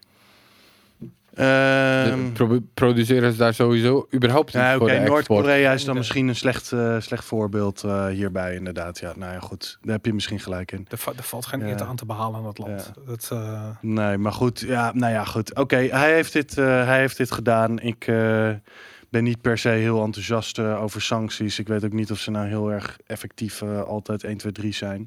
En vaak worden ze ook ten onrechte gebruikt, naar mijn idee. Maar goed, eh, in, in dit geval kan ik me wel iets bij voorstellen. nee, maar het is maar- gewoon niet heel pragmatisch. Of En heel- die sancties hebben natuurlijk ook niet per se iets te maken met hoe de mensenrechten situatie in Noord-Korea is. Die sancties hebben te maken met het atoomprogramma ja. van Noord-Korea. Dus in die zin, ja, wie is Amerika om daar bezwaar tegen te maken? Kijk, ik heb gewoon een groot probleem met de manier waarop Ja. Noord-Korea eh, omgaat met. eh, Maar goed, het zijn wel echt hele, hele het zijn wel echt de bielen die daar aan de macht zijn in Noord-Korea. Nog de bieler zeg maar dan in Amerika. Dus ik kan me wel heel veel voorstellen dat heel veel landen liever heb, niet hebben dat die ja, atoomwapens. Maar goed, ja, het hoe is je dat allemaal moet niet veel soeps. niet. Maar, maar Ja. goed, dat je daar al als Virgil Griffith zijn er gewoon tussenin gaat staan, dat is gewoon, ja, dat, is- dat is naïef. Ik- Meer kan ik er ook niet echt van zeggen, inderdaad. Ehm, ehm, wij hebben het een tijd geleden gehad over Tether. Een hele uit. Ja, gaan we, gaan we gaan het we nu, weer. daar gaan we weer, jongens. Hoppakee, Ja. gaan we. Ik weet niet of jullie het gehoord hebben, maar er is een nieuwe podcast. Eh, die hoorde ik van de week. Die heet eh, On the Brink. Eh, hij is onder andere van Nick Ja. Carter. Het is een wat meer financiële kant van Bitcoin belichtende podcast. En in een van die afleveringen, een van de eerste afleveringen, was Dan uh, Matuzewski te gast. Ehm, en hij is de, eh, de, de, de voormalig hoofd van eh, de OTC-desk van Circle. Hij heeft dat eigenlijk opgezet. En die OTC-desk van Circle, eh, over-the-counter trade, Hm. ehm, eh, was op dat ogenblik de op één na grootste OTC-desk ter wereld. Van, als het om, om cryptocurrency trade ging. Hm. En hij werd geconfronteerd met dat Tether-verhaal.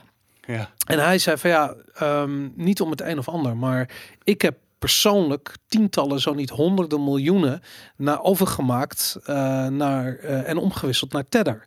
Dat was gewoon geen onzin. Dat heeft echt bestaan. Dat was niet één whale die de boel gemanipuleerd heeft, zoals dat onderzoek toen beweerde. Nee, dat was gewoon een, een vraag of, of een kwestie van vraag en aanbod.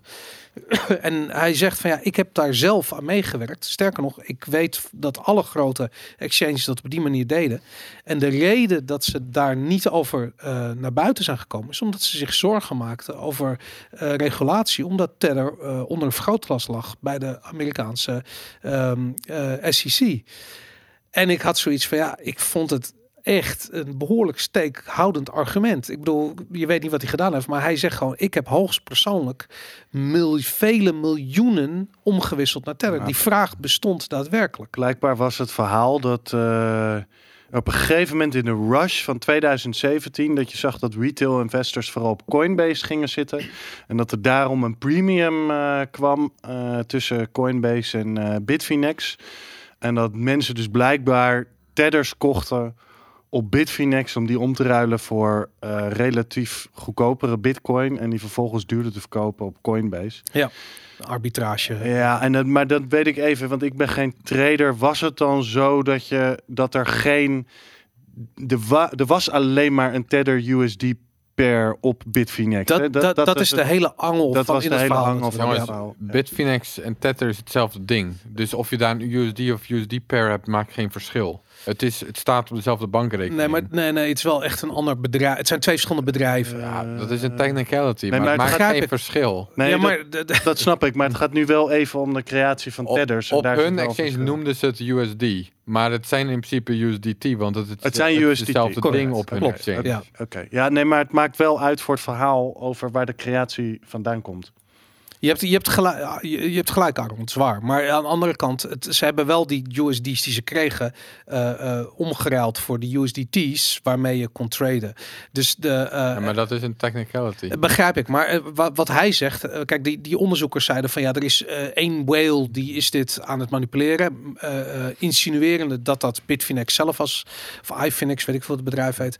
En eh, ehm, eh, hij zegt van nee, dat is niet waar. Het waren wel degelijk alle exchanges waar die vraag voor al die USDT's, Ja, of eigenlijk die trading pairs vandaan kwam. dat lijkt me ook. En dat, eh, maar goed, en daar waren we het inderdaad al over eens. Maar ik vind het mooi omdat het hier een eh, heel concreet eh, verhaal was. Een ander ding wat ik heel interessant vond, heel, ter verdediging van USDT, van Tether.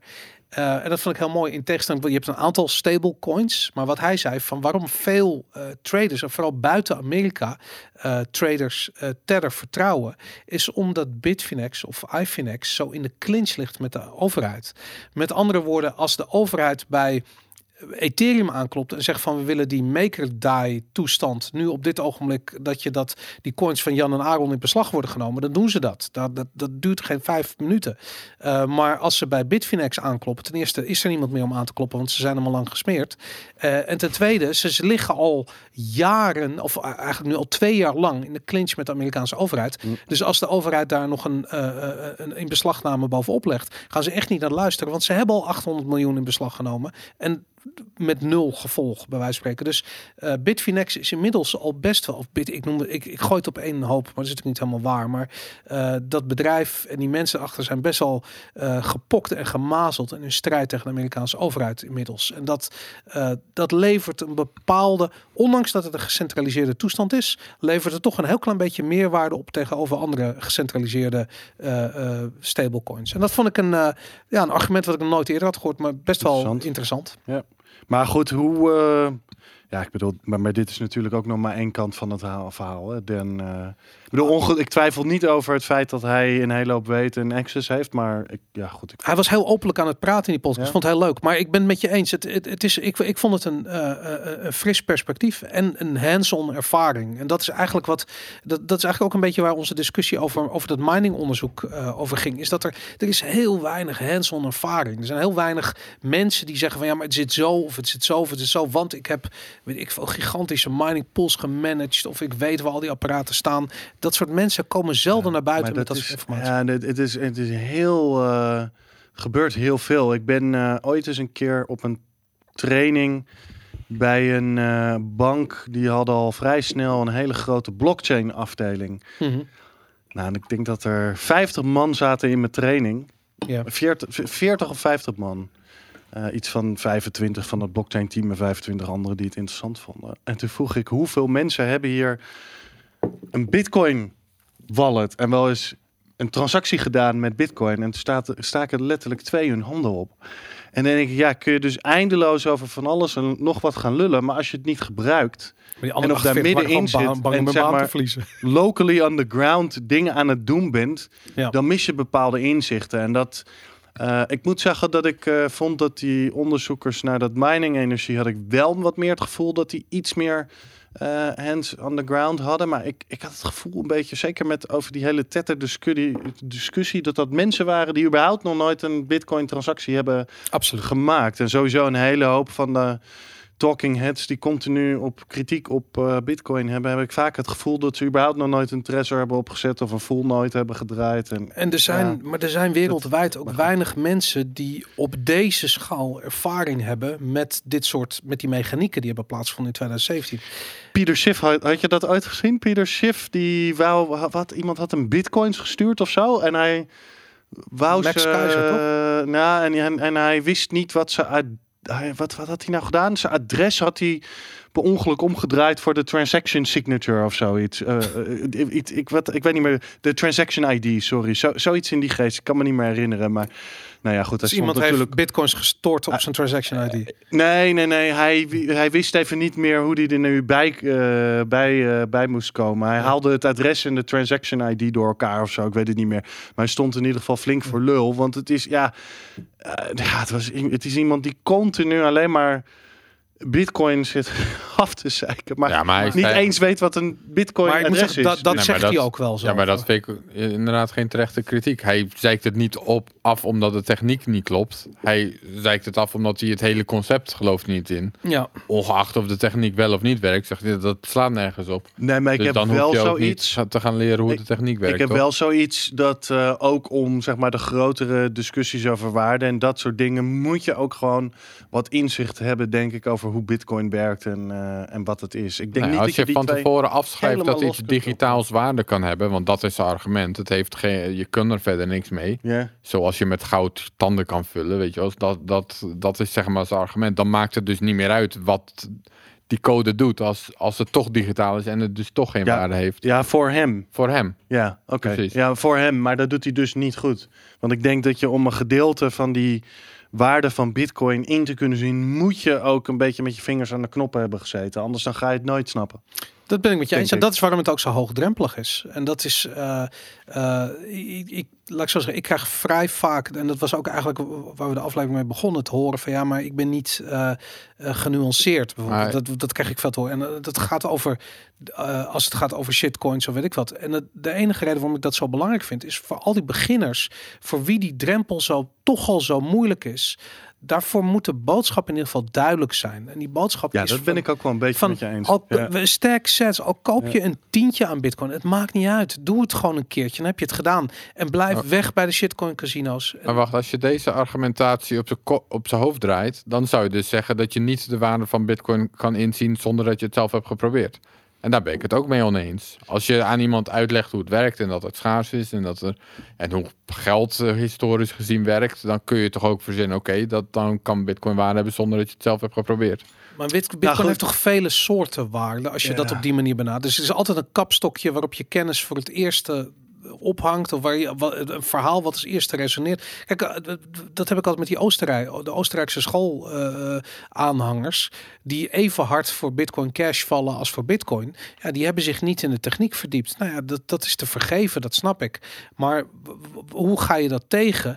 Door in ieder geval een hele duidelijke boodschap uit te dragen van koop alleen bitcoin. Ga niet lopen treden. Blijf bij bitcoin. Hoddel het. Stack sets. Het hoeft niet veel te zijn, maar een beetje. En zo leer je. Verder kom je wel. Maar ja, weet je, ik, Ja, maar dat, eh, natuurlijk kan dat. Maar ik zou niet zeggen dat dat de enige manier is. ik, ik zou heel graag mensen willen ontmoeten die bitcoin in één keer begrepen. En want ik, wat, wat was voor jullie allebei? Nou, er zijn mensen die Bitcoin begrepen voordat het bestond. Die hebben het uitgevonden bijvoorbeeld. Maar of die zaten erover na af. te denken. Maar- Dat vraag even. ik me af. Ja, Kijk, dat vind ik echt heel interessant. Mag, mag ik daar even op ingaan? Stel je voor dat je...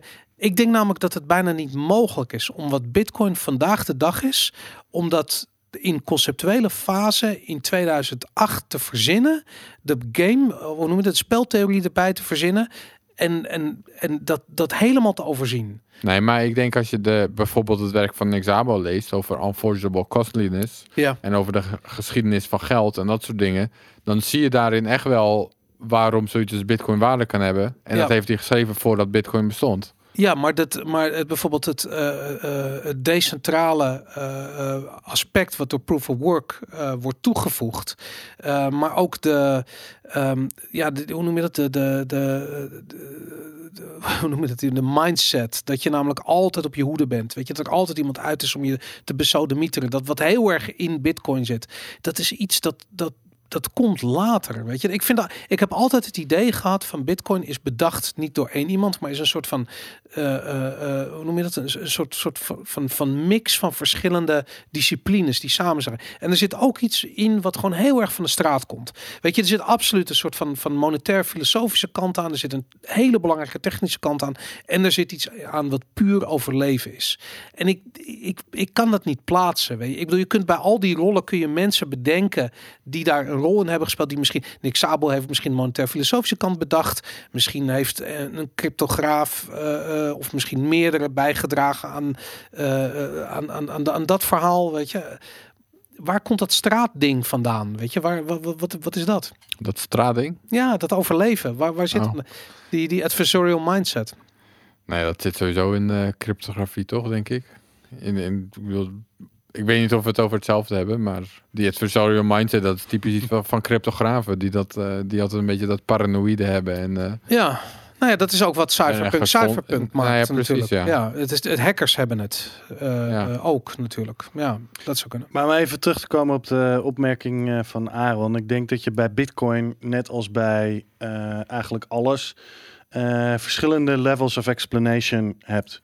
Dus je kunt bijvoorbeeld, als je ki- kijkt naar een rivier, kun je iets zeggen over die rivier, misschien op het niveau van fluid mechanics, maar je zou het ook op hogere of lagere niveaus iets over die rivier kunnen zeggen. En een beetje afhankelijk van eh, wat op dat moment eh, nodig is, krijg je daardoor bepaalde verschillende, verschillende inzichten in. Ik bedoel, ik zou misschien een rivier, als je reductionist bent, ook op eh kwantummechanisch niveau kunnen uitleggen waarom het op een bepaalde manier werkt. Dat is waarschijnlijk niet heel zinvol en dat kunnen we waarschijnlijk ook niet als het überhaupt waar is dat dat zou kunnen. Maar veel mensen denken dat wel. En ik denk dat je een beetje dezelfde manier naar Bitcoin zou moeten kijken. Ik denk dat je op een hoog niveau een verhaal over Bitcoin kunt geven, waar je een soort van ja, wel een, mensen een soort van idee zou kunnen meegeven over Bitcoin, hè, over digitale schaarste en dat soort eh, dingen. Ehm, maar je kunt natuurlijk steeds dieper eh, gaan. En ik denk bijvoorbeeld, nou, om een voorbeeld te geven waar ik denk ik wel waar je wel echt iets meer verstand moet hebben, denk ik, van de techniek, is echt zeg maar de details van financiële soevereiniteit. Hè? Als je bijvoorbeeld dingen zoals proof of reserves, eh, multisigs, eh, eh, hè, bijvoorbeeld bij Casa Hodl, als het bedrijf over de kop gaat of wat dan ook, dat er een soort van automatic trigger in zit dat je geld. ja, maar al die soort dingen, dingen. Ja, maar al die dingen zijn waardeloos als Bitcoin niet in eerste instantie al waarde heeft. Ik bedoel, je kan het zo goed secure als je wil, maar als het geen waarde heeft, wat secure dan niks. En dat is een beetje hoe, hoe Schiff het ziet. Die het heeft in de eerste instantie al geen waarde. Dus wat voor toeters en bellen je er ook op bouwt, of hoe goed het technisch in elkaar zit, het is digitaal. Dus kan ja, maar goed, hebben. sommige van de argumenten die hij geeft, zou hij misschien van af kunnen stappen als hij Bitcoin wat beter begreep. Hoewel ik denk dat eh Peter Schiff gewoon, zeg maar. Nou, weet je, hij heeft gewoon, je hebt van die mensen die, die, ja, die, die verzinnen een narratief ergens over en daar blijven ze dan ook bij. Maar bijvoorbeeld een van de redenen dat hij dat zegt, is omdat hij denkt dat Bitcoin juist niet inflation resistant hebt, omdat je, je kunt eh, on- on- ongelimiteerd altcoins drukken. Als hij begreep dat een altcoin gewoon geen Bitcoin was en dat je die ook nooit op het Bitcoin-netwerk kon gebruiken, dan had hij daar misschien een ander inzicht over. Maar goed, in dit geval hebben we het over een persoon die zo niet open staat om, zich, ja, om van gedachten te veranderen dat hij dat nooit. eh zal Nee, en ik denk ook dat het een marketing ding is voor hem. Absoluut. Oh, hij krijgt ontzettend veel aandacht. Ja. Hij krijgt, trekt er heel veel eh, aandacht. eh, Hij mee. heeft gewoon bitcoin. Maar er zijn heel veel van dat soort mensen. hè. Dat verbaast me dan iedere, iedere keer weer. Dat er zoveel mensen. een- Ja, een hele hoop van die. Ja, laat, ik weet niet. eh, Laat ze maar no-coiners noemen. Want ik denk niet dat het pre-coiners zijn. maar Nee, volgens mij is het, sowieso een no-coiner. Als Ja. dat al geen no-coiner is, dat is de Ik denk niet dat hij definitie een van- dat is de definitie van een no-coiner. Hij doet gewoon marketing. Ja, het is gewoon een trucje oh, wat hij doet. Ja, ja oké. Maar, dat doet hij zich voor als no Ja, inderdaad. Zeg maar. Maar Dat- hij gelooft het punt. zelf wel. Maar je eh, ziet het, je ziet het veel in die goudhoeken. Om, en ik snap dat. Ik snap ook dat als je gelooft dat goud het meest waardevolle eh, eh, eh, ja, goedje op deze eh, planeet is. Ja, hoe gaat Bitcoin daar in godsnaam? Bitcoin is niet D. Hoe, gaat het daarbij in de buurt komen? En dat, dat, dat, dat is interessant. Ik snap dat ze dat denken. Ik bedoel, ik kan er ook verder. eh, ik ben het er niet mee eens. Maar ik vind het wel logisch dat mensen dat denken. En zeker als je daar 10, 20, 30 jaar lang in zit. Je maakt er je business van en je zit te wachten op het moment dat goud eh 100x gaat. Ehm, en je ziet gewoon ja, bitcoin voorbij razen en, eh, eh, en dat doen. Denk je zoiets van ja, wacht eens eventjes. Wat, wat heb ik niet goed gezien? Ja, je moet, het is ook nog eens een keertje dat psychologische aspect van je hebt ergens in geïnvesteerd. Dus je wordt emotioneel eigenaar van dat hele onderwerp. Ga dat maar eens loslaten. En dat zie je natuurlijk ook bij heel veel eh, shitcoins. Zie je hetzelfde. Mensen hebben erin geïnvesteerd. Dus dus geloven erin. Niet andersom.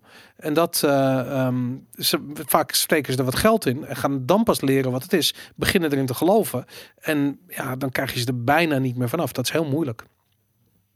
Ja, nee, dat, dat klopt. Mensen zijn eh, emotioneel eh zitten ze helemaal eh, vast aan die, eh, aan die zaken. Daarom is het ook Wel, zo moeilijk voor mensen om uit cults te stappen. En nou, cults zoals OneCoin bijvoorbeeld. Ja, precies. Ja. Wel eens over manipulatie, toch? Ja. Waar ging het ook weer over? Wat, wat werd er Ehm, gemanipuleerd? Oh, Tether. Oh, maar ja. we kregen vorige week, eh, hadden we het ook over manipulatie. Ik kreeg nog een vraag van Henk in de Telegram-chat. Ja, Zou ik daar gewoon op ingaan? ja We zeker. hebben, Ja, tijd, je nog we hebben tijd te vullen, of niet? Ik denk dat we nog wel even Ah, ja, over Henk we- kunnen praten. Ja. We Wat was de vraag van Henk? We hadden het over die cash-settled dingen. Oh ja, Die cash-settled ETF's. bucks. Die ETF's, ja. Nou, het is, officieel heet het geen ETF, toch? Nee, het is geen idee. Nee, het is nee, geen ETF, eh, het is futures. Cash settled Oké, future. ja. Ja. Ja. Oké, dus eh, en jij, Boris, had het erover dat dat voor manipulatie kan zorgen. En eh, ik zei, nou, volgens mij valt het wel mee, want er, er gebeurt gewoon arbitrage tussen de cash Ja. settled en de fysieke kant, zeg maar. Ja. Fysiek in het geval van Bitcoin klinkt een beetje gek, maar dan weten we Ja. wat we bedoelen. Uh-huh. En eh, daar vroeg Henk, een, daar stelde Henk een vraag over en ik had het wel beantwoord in het Telegram. Kun jij nog één keer zeggen waarom Maar- jij vond dat het niet, hoe die arbitrage werkt dan? Ja, oké. dus de arbitrage, dus dat was ook de vraag van Henk, hoe kan er nou arbitrage plaatsvinden tussen cash settled en fysiek? Want dat, dat fysiek kan helemaal niet naar het cash settled toe. Ja, Oké, dus de manier, ik ben geen trader, maar volgens mij de manier waarop dat gewoon zou gaan, is Alice wil eh, cash settled wedden dat, want dat, het is een futures, dus het is Mhm. gewoon wedden op de prijs. Alice wil wedden dat de prijs omhoog gaat. ja, Dit is cash settled. Oké. Dan zegt Bob, dat is een, die wil arbitrage plegen. Dus dat kan hem, die weet helemaal niet waar de prijs heen gaat. En dat kan hem ook niet schelen. Mhm. Maar wat Bob dan doet, is hij zegt: Oké, als jij mij een mooie prijs geeft, Alice, ja. dan wil ik die weddenschap wel met je aangaan. Mhm. Dus dan loopt Bob vanaf dat moment het risico dat als de prijs omhoog gaat, dat hij verliest. ja. Oké, dus wat doet Bob? Want hij Ja. is daar niet in geïnteresseerd. Hij wil arbitrage doen. Dan koopt hij ondertussen fysieke bitcoin. Voor het geval dat de prijs omhoog gaat, dan heeft hij gewoon die fysieke bitcoin en dan maakt hij daar weer mee goed. Ja. En dan doet hij dus zo, dan doet dus de weddenschap is zo dat hij een beetje winst maakt. Hè? Dat is de arbitrage. Maar wat, er dan dus, wat je dan dus ziet gebeuren is, terwijl Alice op cash settled wet dat de prijs omhoog gaat, Mhm. gaat de prijs van daadwerkelijke bitcoin omhoog omdat het daar koopt. Dus zo vindt er arbitrage plaats. Dus ook al is het, gebeurt het eigenlijk op cash settled, heeft dat toch invloed op fysieke bitcoin. Behalve dat Heeft dat dat de andere kant op natuurlijk ook gebeurt. Nou, wat, wat, en ik weet niet zeker of dat is waar jij op doelt, maar het risico, dus de manipulatie die eventueel zou kunnen plaatsvinden, is dus als de cash settled kant, als daar zoveel meer volume is, als dat zoveel groter is, als je daar zoveel meer winst of verlies kan maken, Mhm. wat je dan dus inderdaad bijvoorbeeld zou kunnen doen, is dat je een of andere weddenschap, dus dan ga je bijvoorbeeld voor heel veel geld wedden op cash settled dat de prijs omlaag gaat. Mhm. En dan wat je vervolgens doet, is voor veel minder geld ga je shorten op de fysieke markt. Waardoor de prijs van bitcoin inderdaad omlaag gaat en je die grote weddenschap wint. Ja. Nou ja, op die manier kun je inderdaad een beetje manipuleren. Maar ik denk dus ten eerste dat het alleen werkt als cash tot veel groter is. En ten tweede denk ik dat dat tijdelijke fenomenen zijn. Want als, het, als de prijs omlaag gaat op fysiek, dan kunnen Ik denk jij, dat het jij en ik en Jan denken... hé, hey, dat is een mooie prijs, we gaan mooi kopen en dan gaat de prijs weer omhoog. Ik Ja. denk dat het, een, dat het in werkelijkheid nog ingewikkelder is. Omdat het niet zozeer om cash settled of fysiek settled gaat. Maar het gaat om de leverage eh, platformen die je hebt. Dus stel je voor dat jij eh, eh, veel bitcoin hebt. eh, genoeg om bijvoorbeeld de, de prijs 1000 dollar te laten zakken. Als je dat dumpt op de markt. En vervolgens ga je, eh, eh, doe je een, een, een, weet ik wel, een, een 20 of of 50 leveraged eh, trade open je. Ehm, en, en, en, en verdient je helemaal een slag in de rond. Dus eigenlijk 20, 50 keer eh, eh, wat, je, wat je verliest aan wat je fysiek... maar dit kan ook wel deze producten niet. Hè? De leverage is maar heel gelimiteerd die je bij dit soort exchanges Nou. Omdat- maar maar ook al, al omdat- kan het wel. Nou, wat zo interessant is, juist omdat, het, omdat het in theorie zou kunnen, worden dit soort producten juist heel erg gemonitord. En dat is waarom ze ook toestemming nodig hebben van de SEC. En, en eh, eh, ik, bedoel, ik weet niet hoe dat in Europa zou werken, maar in Amerika in ieder geval, eh, ja, Nou, dit is wel een van de redenen dat de ETF bijvoorbeeld moeite heeft om er Ja. doorheen te komen. Omdat de fysieke kant, dus de exchanges zo zijn gewoon nog relatief ongereguleerd. En dat is Daar worden wel stappen in gezet, dus uiteindelijk komt het misschien. Maar dat is de reden die ze gaven bij inderdaad de FEC of wie daarover, Ja. wie dat tegenhoudt, dat het allemaal nog te ongereguleerd was, waardoor manipulatie kan optreden. Maar kijk of het nou... nu Want, vind ik dus dat dat onzin is en je moet Bitcoin lekker niet eh, reguleren en manipulatie, dat is gewoon een. het is gewoon de markt. tussen- ja, het is de markt. vind ik ook. Weet je, als jij... Als jij bang bent dat de prijs wordt gemanipuleerd en je op zo'n cash settled, Dan moet je dan, ga je, dan ga je daar maar niet traden. Dan ga je maar eh, gewoon fysiek kopen. Of dan, en dan zorgt de markt dus weer dat daar het volume komt. Ja, behalve dat als één ding dat bij die, de, ik ben het helemaal met je eens met die cash, of sorry, met die fysiek gesettelde eh, eh, instrumenten die je hebt, dat, dat,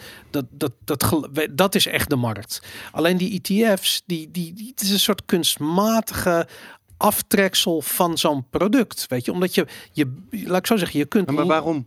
omdat als je ik- long kunt gaan op Bitcoin ik- zonder Bitcoin te Als kopen. ik, als ik een, eh, als ik, het is eh, echt gok. Als ik wed op een eh, voetbalwedstrijd, dan hoef ik hem toch ook niet zelf te spelen. Ja, maar dat is wat Dus anders. dat ik ook wat anders. dit, Ja? is, dit gaat over vraag en aanbod. Als jij, als jij bij wijze van spreken, eh, eh, eh, weet ik veel, 10.000 bitcoin koopt in een ETF en die is cash settled, Hmm. dan die hele bitcoins worden nooit gekocht. Hoe bedoel je? Ja, wel dus, want er vinden dus arbitrage plaats. Dus dan gaat Bob die bitcoins kopen.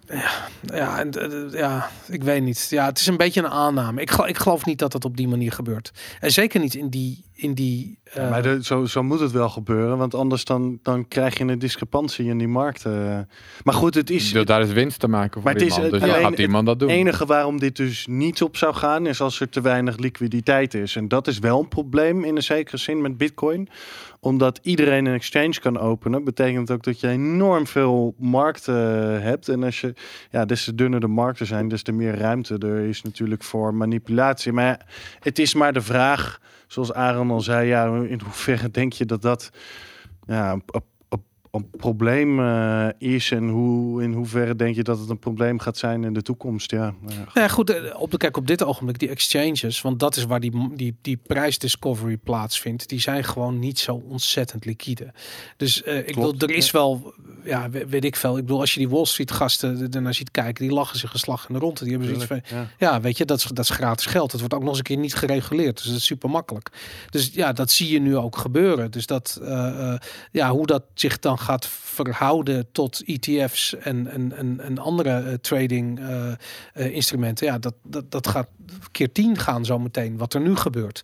En ik moet je eerlijk zeggen dat het me nu al opvalt dat de prijs redelijk lang gewoon horizontaal gaat. Ja, al heel lang hè? Al heel lang. En Ja. ik bedoel, wat daar ook de Valt er wel mee. Voor mij is hij vorige maand nog 20% gezakt of zo, jongens. Ja, nou oké, weet je. voelt heel Zo, lang. zo horizontaal vind ik dat niet. voelt maar- heel lang. Ja, dus kijk, er zitten misschien inderdaad wel wat pieken en dalen in. Maar aan de andere kant heb ik het idee dat we heel lang een soort van in dit... dit Ik heb het gevoel alsof we een beetje in 2000, eh, wat was het? Nou weet ik het nog niet. 2016 en 15 was zeg maar een hele lange periode dat die tussen de zeg maar 4 en 700 zat of zo, de Bitcoin prijs. Ja, dat klopt. 2015 was dat, ja. Ja, je hebt het gevoel alsof we weer in zo'n periode zitten. Alleen dan tussen de ja. Nou, dat, ja, dat zou goed kunnen. 5000 en 10.000 of zo. Maar wat ik, wat ik interessant vind, als je kijkt dat die, als die eh, exchanges zo, zo eigenlijk niet liquide zijn, eh, wat, wat gaat er gebeuren? Kijk, veel van die exchanges zijn in 2017 groot geworden met, met altcoin, met, met, met shitcoin casino praktijken.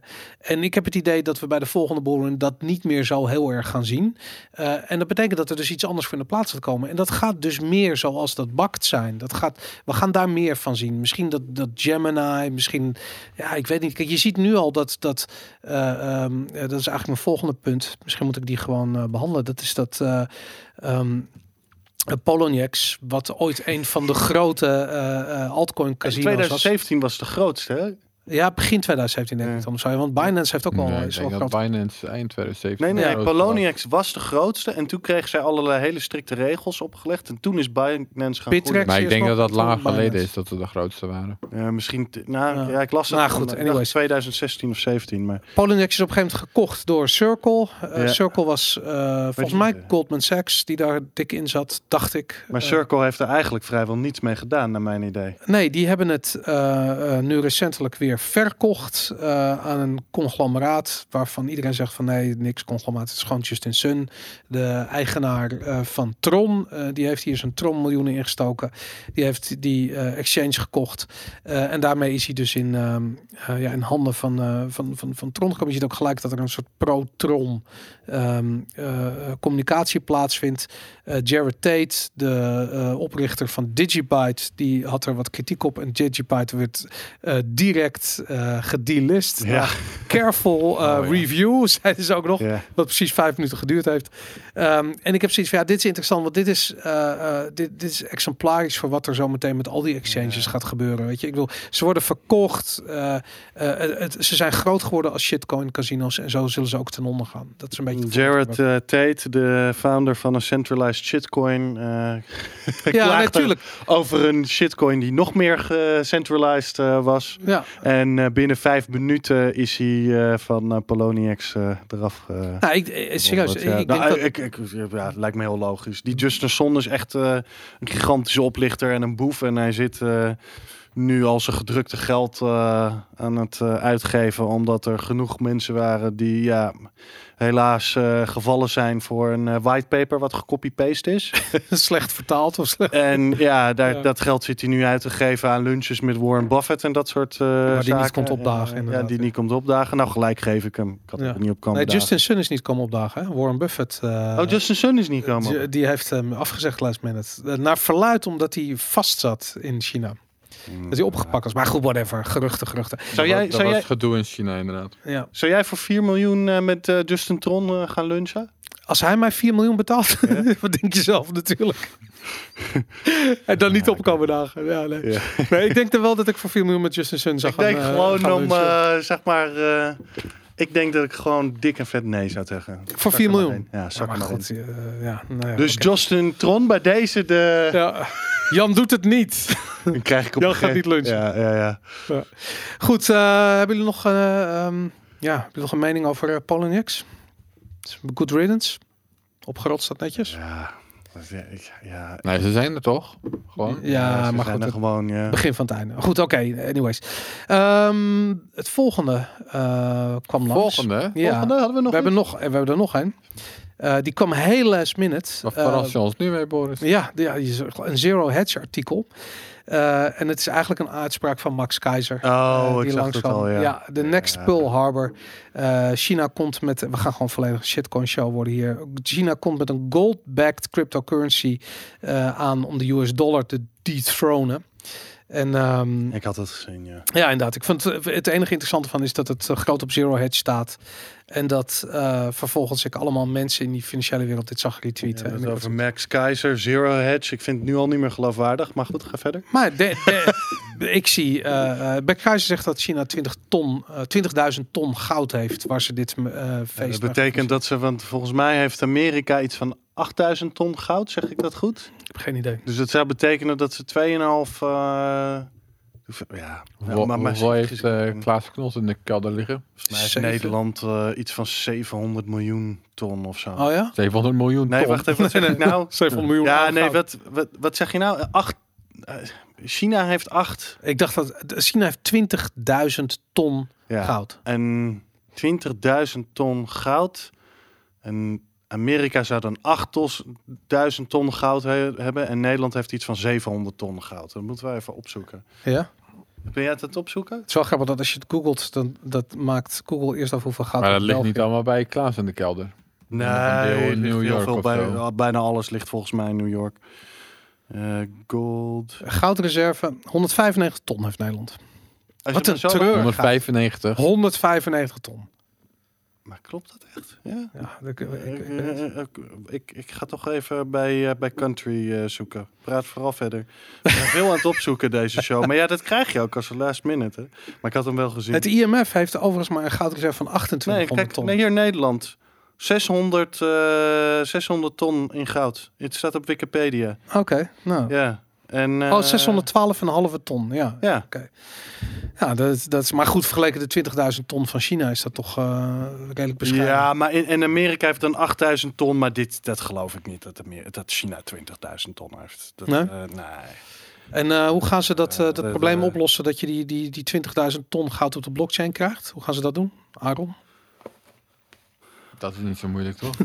dat lijkt me niet het, eh, de uitdaging. Nee, dat moet ze aan Justin Via vragen. USB-poort of zo? Gewoon erin duwen? Ja, ik denk ook dat het zo is. Ja, maar goed, gaat dit dan echt... Ja, weet je, de, de, de, de claim is dan dat dit competitie met de dollar uit zou gaan. Maar ja, goed, je hebt het wel over een, hè, een Ja, China... maar Ja, of het nou met of zonder blockchain, dat maakt toch ook een dat maakt er niet zoveel uit. Wat, wat, Maar het, kijk, het, het gaat natuurlijk, het, het, het gaat ook helemaal niet Maakt om dat de voor- renminbi geloofwaardiger? Ja, nee, sorry. Ja, weet je, ze kunnen van alles zeggen in China, maar... Maar al die centrale banken gaan, gaan iets dergelijks doen. Die gaan met een soort van, van, van ja, digitale versie van een munt komen of weet ik veel wat. Gewoon met als doel eh, om ja, op een of andere manier dat instorten van die, van die, van die, van die, van die Ik denk dat als Amerika of Europa met een eh, Europese Unie met een gold-backed cryptocurrency, dat misschien iets meer credibility eh, zou hebben dan China. Maar goed, ik weet niet. Misschien dat het wel een hele hoop impact maakt. Ja. kunnen. Nou goed, ik, ik denk dat het grootste probleem is dat. We dat kunnen trouwens geen cryptocurrency noemen. Wat Nee, dat- dat komen, is maar goed, dat is nooit het volgende punt. Ja,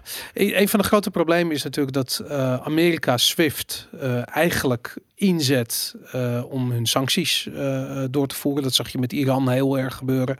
En dat Italië daar dan een, probeert een weg omheen te werken met een eigen systeem. En dan heb ik zoiets van ja, totdat ze allemaal wakker worden en bitcoin gaan gebruiken, zullen ze allemaal dat leerproces door moeten maken. En eerst nog hun eigen currency en weet ik veel wat. En uiteindelijk gaat dat natuurlijk leiden tot bitcoin. Da daar ben ik wel heel erg van overtuigd. Dus ik heb zelfs zoiets van als China straks een, een, een cryptocurrency gaat lanceren die volledig eh, gecentraliseerd is en, en ja, die, dat, dat dat gebekt is met goud, dat geloof ik ook voor geen ene meter. Maar het maakt allemaal niet uit, want het, het is alleen maar weer één stapje richting het feit dat we zo meteen nog maar één coin overhouden wereldwijd en dat is bitcoin. Ja, weet ik niet. Ik bedoel, Ik weet het ook ja, niet. Ik, Ik ik, zit zie, ik een gold-backed eh, digital currency van de Chinese overheid eh, lijkt veel meer op huidig fiat geld dan het ook maar überhaupt iets met bitcoin te maken heeft. Dus net zoals dat mensen zeggen, ja, Libra goed voor bit. Ja, Libra heeft eigenlijk niet zo heel veel met eh, bitcoin eh, te maken. Het enige is dat misschien het concept van digitale of cryptovaluta misschien meer algemeen acceptabel zouden worden en dat mensen misschien meer naar bitcoin zouden gaan kijken daarom dat zou kunnen. Ja, Ja, dat zou kunnen. Ja. ja. Ik denk niet, ik- mensen gaan dat toch helemaal niet meer vertrouwen, gold-backed. nee. Ik bedoel, dat is geprobeerd en daar hadden we het net over. Dat is uitgesteld door Nixon. Gaan ze volgende keer, gaan al die landen volgende keer weer China vertrouwen dan? Dat, ze, dat het dit keer niet Nee, wordt dat uitgesteld? Dat Wie lijkt gaat er ook nou- niet. ja, dit, Maar dat, ze, dat die, Ja. de, de, de, de bankencrisis is een vertrouwenscrisis. En op het moment dat mensen de banken niet meer vertrouwen, dan vertrouwen ze ook niet als er, al, al is het een banana-backed eh, cryptocurrency. Weet je, ik bedoel, mensen vertrouwen niet dat centrale banken daadwerkelijk hebben wat ze zeggen dat ze hebben. En daadwerkelijk. eh, eh, maar goed, aan de andere kant, voor hetzelfde hebben ze straks een munt. En dan ga jij naar Beijing en dan ga je naar de centrale bank en dan lever je renminbi's in en dan krijg je gewoon goud mee. Zie je dat voor je? Dat zou wel vet zijn. Dat zou wel heel vet zijn, maar ik eh, geloof het niet zo 1, 2, 3. Nee, ik maar het niet. zou, wel heel, eh, het zou wel heel vet zijn. Goed. Nou ja, wat wel interessant zou kunnen zijn als centrale banken dus zeg maar base money beschikbaar maken voor jou en mij. Ja. Hè? Dus dat je nu moet, nu moet je of cash papier he- hebben, maar dat, daar voel je vaak niet zo veilig bij als het meer dan, nou ja, dat verschilt per persoon misschien, maar als het te veel is, Vijf ton. Mm.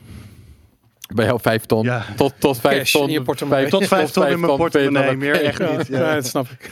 Briefjes van 10. Dus dan word je weer afhankelijk van de bank, van Ja. de private banken. En, en als ze dat digitaal zouden maken, dat, dat je het direct in je wallet kan hebben. Maar ja, dan nog zit je met, dan raak je je keys weer kwijt. En eh, ik weet, ik weet niet of centrale banken daaraan durven te beginnen. Ja. Dat het echt barrier is, zoals, zoals cash. Nou, ja, ik, laat ik zo zeggen, ik, ik, ik, ik denk dat we nog een aantal fases door moeten voordat eh, ja, de, de, de fundamentele problemen van eh, centrale banken opgelost worden. En ik denk dat Bitcoin een oplossing zou kunnen zijn. Ik hoop heel erg dat. Maar dan, dan suggereer je dat centrale banken er nog wel zullen zijn. Ehm, ja, dat is een goede vraag. Als Bitcoin, laat ik zo zeggen, er gaat een moment zijn waarop centrale banken er nog wel zijn. En de, iedereen. Nou ja, de nu sowieso. Ja, nee, maar dat, dat iedereen de conclusie ook trekt van ja, maar Bitcoin is echt de enige eh, valuta waar iedereen in gelooft. Ehm, en Ik dat denk niet dat die conclusie er ooit gaat komen. nee, Nee, waarom? Waarom niet? Omdat het, is toch, eh, het is toch prima om eh, meerdere valuta naast elkaar te hebben. En ze kunnen allemaal hun eigen doel eh, en je hebt een hebben. soort spaarvaluta en je hebt een soort, soort cash valuta. Ja, nee, je hebt verschillende valuta voor verschillende redenen. Ik denk wel dat een van de dingen die Bitcoin eh, misschien in de toekomst gaat doen, zeker als het artikel waar we het eerder over hadden, dat we eh, in de zeg maar echt consumentenprijzen echt hev- nog hevige inflatie gaan zien. Mhm. En niet alleen bijvoorbeeld in de huizenmarkt en in asset eh, values en dat soort dingen, wat mensen niet 1, 2, 3 kunnen direct eh, relateren aan inflatie. Ja, dan, dan, dan, krijg, ja, dan zal zoiets als Bitcoin toch een behoorlijke aantrekkingskracht gaan hebben op eh, mensen. Nou, dat, dus de theorie inderdaad dat bitcoin meer is om het fiat systeem eerlijk te houden. En Ja, dat je, je dat zou niet dan te veel, veel kan verkrachten, want dan stappen mensen over op bitcoin. Dat is ook ja. wel een theorie die ik lang heb aangehouden. Ja. Maar inmiddels heb ik ook wel iets van, ik ben het ook wel zat met dat fiat hoor. Laten we maar gewoon, eh, laten we er maar gewoon voor gaan met dat bitcoin. Ja, nou, dat, maar dat denk ik ook. Wat, wat ik wel moet zeggen, als China inderdaad met de cryptocurrency komt, eh hoewel ik haat het woord, als, als, als China zijn eigen shitcoin gaat bouwen, dan is het wel heel makkelijk voor iedereen op de hele wereld om dat te gaan accepteren. Je hoeft alleen maar een wallet te downloaden. Ehm, dus Ja. ik kan me voorstellen dat wat ze nu al aan het doen Ja, zijn, je met- moet het vertrouwen erin hebben dat je het echt krijgt. Dat is niet niks. Dat je dat goud krijgt Ja. wat erachter ligt. Ja, nee, maar ik Voor jou en mij is dat misschien nog wel, want wij eh, hebben geen, of tenminste, ik heb geen miljarden. Jij misschien met je game imperium hebt inmiddels. Absoluut, eh, we zitten hier. in- Kosten nog moeite worden gespaard. Dus, De eh, kraaktafel is maar- gerepareerd. Dus nazistaten zullen daar niet zo snel mee gaan doen. En dat, dat wil je uiteindelijk toch, als het een reserve currency is. nee, maar de- kijk, dat is China natuurlijk aan het doen met, met dat, dat, dat uitrollen internationaal van het WeChat, waar we het over hadden gehad in het verhaal eh, van van Mark van der Gijs, die zegt van ja, maar in Canada staat, zijn supermarkten dat al aan het accepteren. Als we daar al naartoe gaan, dan kan ik me voorstellen van ja, op het moment dat jij straks, ik bedoel, laten we, als jij iets online koopt, hè, dat valt me op, dan heb je vaak vijf of zes verschillende betaalmiddelen. Je kan met PayPal betalen, met creditcard Mhm. of Ideal, weet ik van god weet wat. En ik heb zoiets van ja, zometeen ga je ook krijgen van je kan met Remibi's betalen of met dollars of met euro's of, of, of met dit of met dat of met deze app of met die app of weet ik veel wat. Dat is best wel logisch dat dat zometeen een beetje in elkaar gaat, gaat haken. Nu is het allemaal nog euro's en zometeen gaat het al. Dat is ook waarom, eh eh, eh, hoe heet het, Hoekstra gezegd heeft van ja, maar eh, alles behalve euro's boven een bedrag van 3000 euro, eh, dat is verboden om dat te accepteren. Dus waarom zeg je Euro's, euro's. eh, digitale euro's. het digitaal, als jij Ja. een aankoop doet bij een bedrijf boven de 3000 euro, dan mag dat alleen maar Ja. via bankoverschrijving met euro's. Waarom zegt hij lekker dat? gemonitord wordt. De- Ook, maar ook Nou, omdat dat lijkt me de voornaamste reden. Denk jij dat er ook... Nou ja, ik, nee, nee, ik denk dat er ook namelijk een concurrentie eh, ding is. Want zometeen kun jij straks je auto betalen Ja. met Remibi's via de WeChat app. En ook al heb je helemaal nooit in de gaten wa- wat voor soort currency er nou daadwerkelijk eh, eh, over de toonbank gaat. Het, het gaat om het feit van ja, hoe, hoe vindt zo'n betaling plaats? En het, het gare is dat in die strijd die gaat losbarsten. Wat denk jij Jan? Zit dat erachter? Of gaat het toch echt om eh, monitoring? Ik denk, ik denk, dat ik denk, ik denk dat het ook echt om ik denk dat monitoring zij gaat. Zo plat? Ik denk dat zij eh, zo in een eh, eigen ja, bubbel, bubbel zitten waarin zij eh, be- bedacht hebben dat dit eh, goed is van de wereld, voor de wereld. En Mhm. eh, een soort van obsessie hebben voor, eh, voor controle. Hè? De quest for control. Mhm. Zoals ooit eens een mooi eh, boek heette. Ehm, ja, gewoon een drang naar, naar controle die, eh, die erachter staat. Maar goed, misschien Ja. heb je gelijk hoor Boris. Misschien heeft het ook met eh Aanstormende wars te maken. Ja, nou goed. sowieso, sowieso als zij eh, zich druk maakte om competitie, dan zouden zij naar mijn idee andere dingen moeten doen dan ze nu moeten doen. dat, Dan dat moet ze ook eens een keer de competitie toelaten en niet alleen maar in al hun acties proberen bankenkartels te ondersteunen.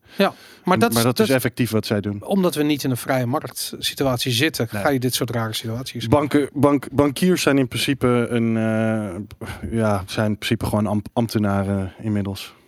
Bureaucraten. Absoluut. Ja. Ik heb nog één laatste punt, jongens. 3 januari 2020. Proof of Keys. Eh, vorig jaar voor het eerst gedaan. eh, Oh ja. Dit jaar eh, voor de tweede keer. Eh Trace Mayer zijn, eh, zijn, eh, zijn initiatief. Het idee is dat je dus je, je, je coins weghaalt bij exchanges en bij crypto bewaar crypto bewaarportemonnee. Dat doen we dus even niet meer op eh, 3 januari. En dan gaan we zien wie er wel en niet solvable is. Vorig jaar heeft dit naar verluid tenminste één slachtoffer opgeleverd. Weten jullie wie dat was? Quadrica. Ja. Wordt wel eens gezegd. Ja. Maar dat is natuurlijk ook een beetje... Er gebeuren altijd dingen met exchanges. En nu was het toevallig of niet een beetje rond die Proof of Keys event. Ik bedoel, ja, misschien dat het even goed was gebeurd. Of Trace misschien... claimt hem. Die zegt gewoon van het ja. was eh, proof of keys, waardoor... Nou ja, goed. Ik heb ook wel met exchanges gesproken die zeggen we hebben echt helemaal niks gemerkt. Wat, wat, ik heb dit wel voorbij zien komen, maar wat is de details van dit proof of keys precies? Ik ben, Eh, eh, nou, je haalt dus, eh, iedereen haalt zijn keys uit de crypto bewaarportemonnees en exchanges die dus eh, een soort van stiekem fractional reserve eh, toestanden doen zijn, aan het treden zijn of verliezen aan het kopen Ah, ja. zijn met, Ja. met, met leugens, die vallen dan door de mand. Nou, vorig jaar was Quadrica, die, Ah, die ja, directeur, die was opeens overleden aan een aan buikpijn in India, geloof ik. Vervolgens nam het lijk een taxi uit het ziekenhuis eh, terug naar het hotel, eh, waar die is ingecheckt. Het was een vaag verhaal. Maar in ieder geval, die guy is er gewoon vandoor met het geld. en Nooit meer teruggezien.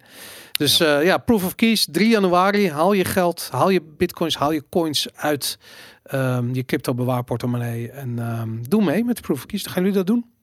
Nou ja, ik, ik heb sowieso ik, mijn ik heb geen natuurlijk. geld op exchanges. eh, sta- ja, een heel klein beetje misschien nog ergens, maar... Ja. Maar goed, het is natuurlijk eh, ook zo dat met dit soort acties, wat je ook doet, of wat je misschien vooral doet, is dat je aan exchanges laat zien hoeveel ze ongeveer, hoeveel fractional reserve ze kunnen draaien Ja, ja, om aan de veilige kant te zitten. ja. Weet je wel, als iedereen ervan gaat en dan nog haalt maar 10% zijn geld weg, dan weet je dus oké, nou we kunnen best wel 90% eh fractional punt. reserve draaien. ja. En dat zullen ze ook ongetwijfeld doen, inderdaad. Ja. Je weet. Goed, mannen. Ik denk, eh, mijn, mijn lange lijst zit erop. eh, in ieder geval van alle Volgende week. We eh, kregen nog allemaal 18 bonus. december. ja, De laatste keer dat we het herhalen. De tweede meetup absoluut. van de Bitcoin Show. Het wordt gezellig. We hebben inmiddels vele Galaxy. inschrijvingen. ontzettend veel. Heb je je nog niet ingeschreven? Doe dat snel. Ja, en als je nog niet weet wanneer het is, dat kan op www de Bitcoin Show. Dan kun je via een uh, geëncrypte verbinding zien wanneer de meetup is. 18 december, woensdag. 6 uur. Of 6 uur. Tot uh, tenminste 10 uur. Vorige keer ging het ook wat langer door. En uh, ja, het wordt gezelligheid. Uh, kom vooral langs. Is het muziekje al begonnen? Ja, dat is Ja. begonnen. Ik hoor het al. Ja, ja. Ik ja, hoor hem nu ook. Ja, hij doet het weer ons Ja, doet het weer goed, ja. Dus. Dat is mooi.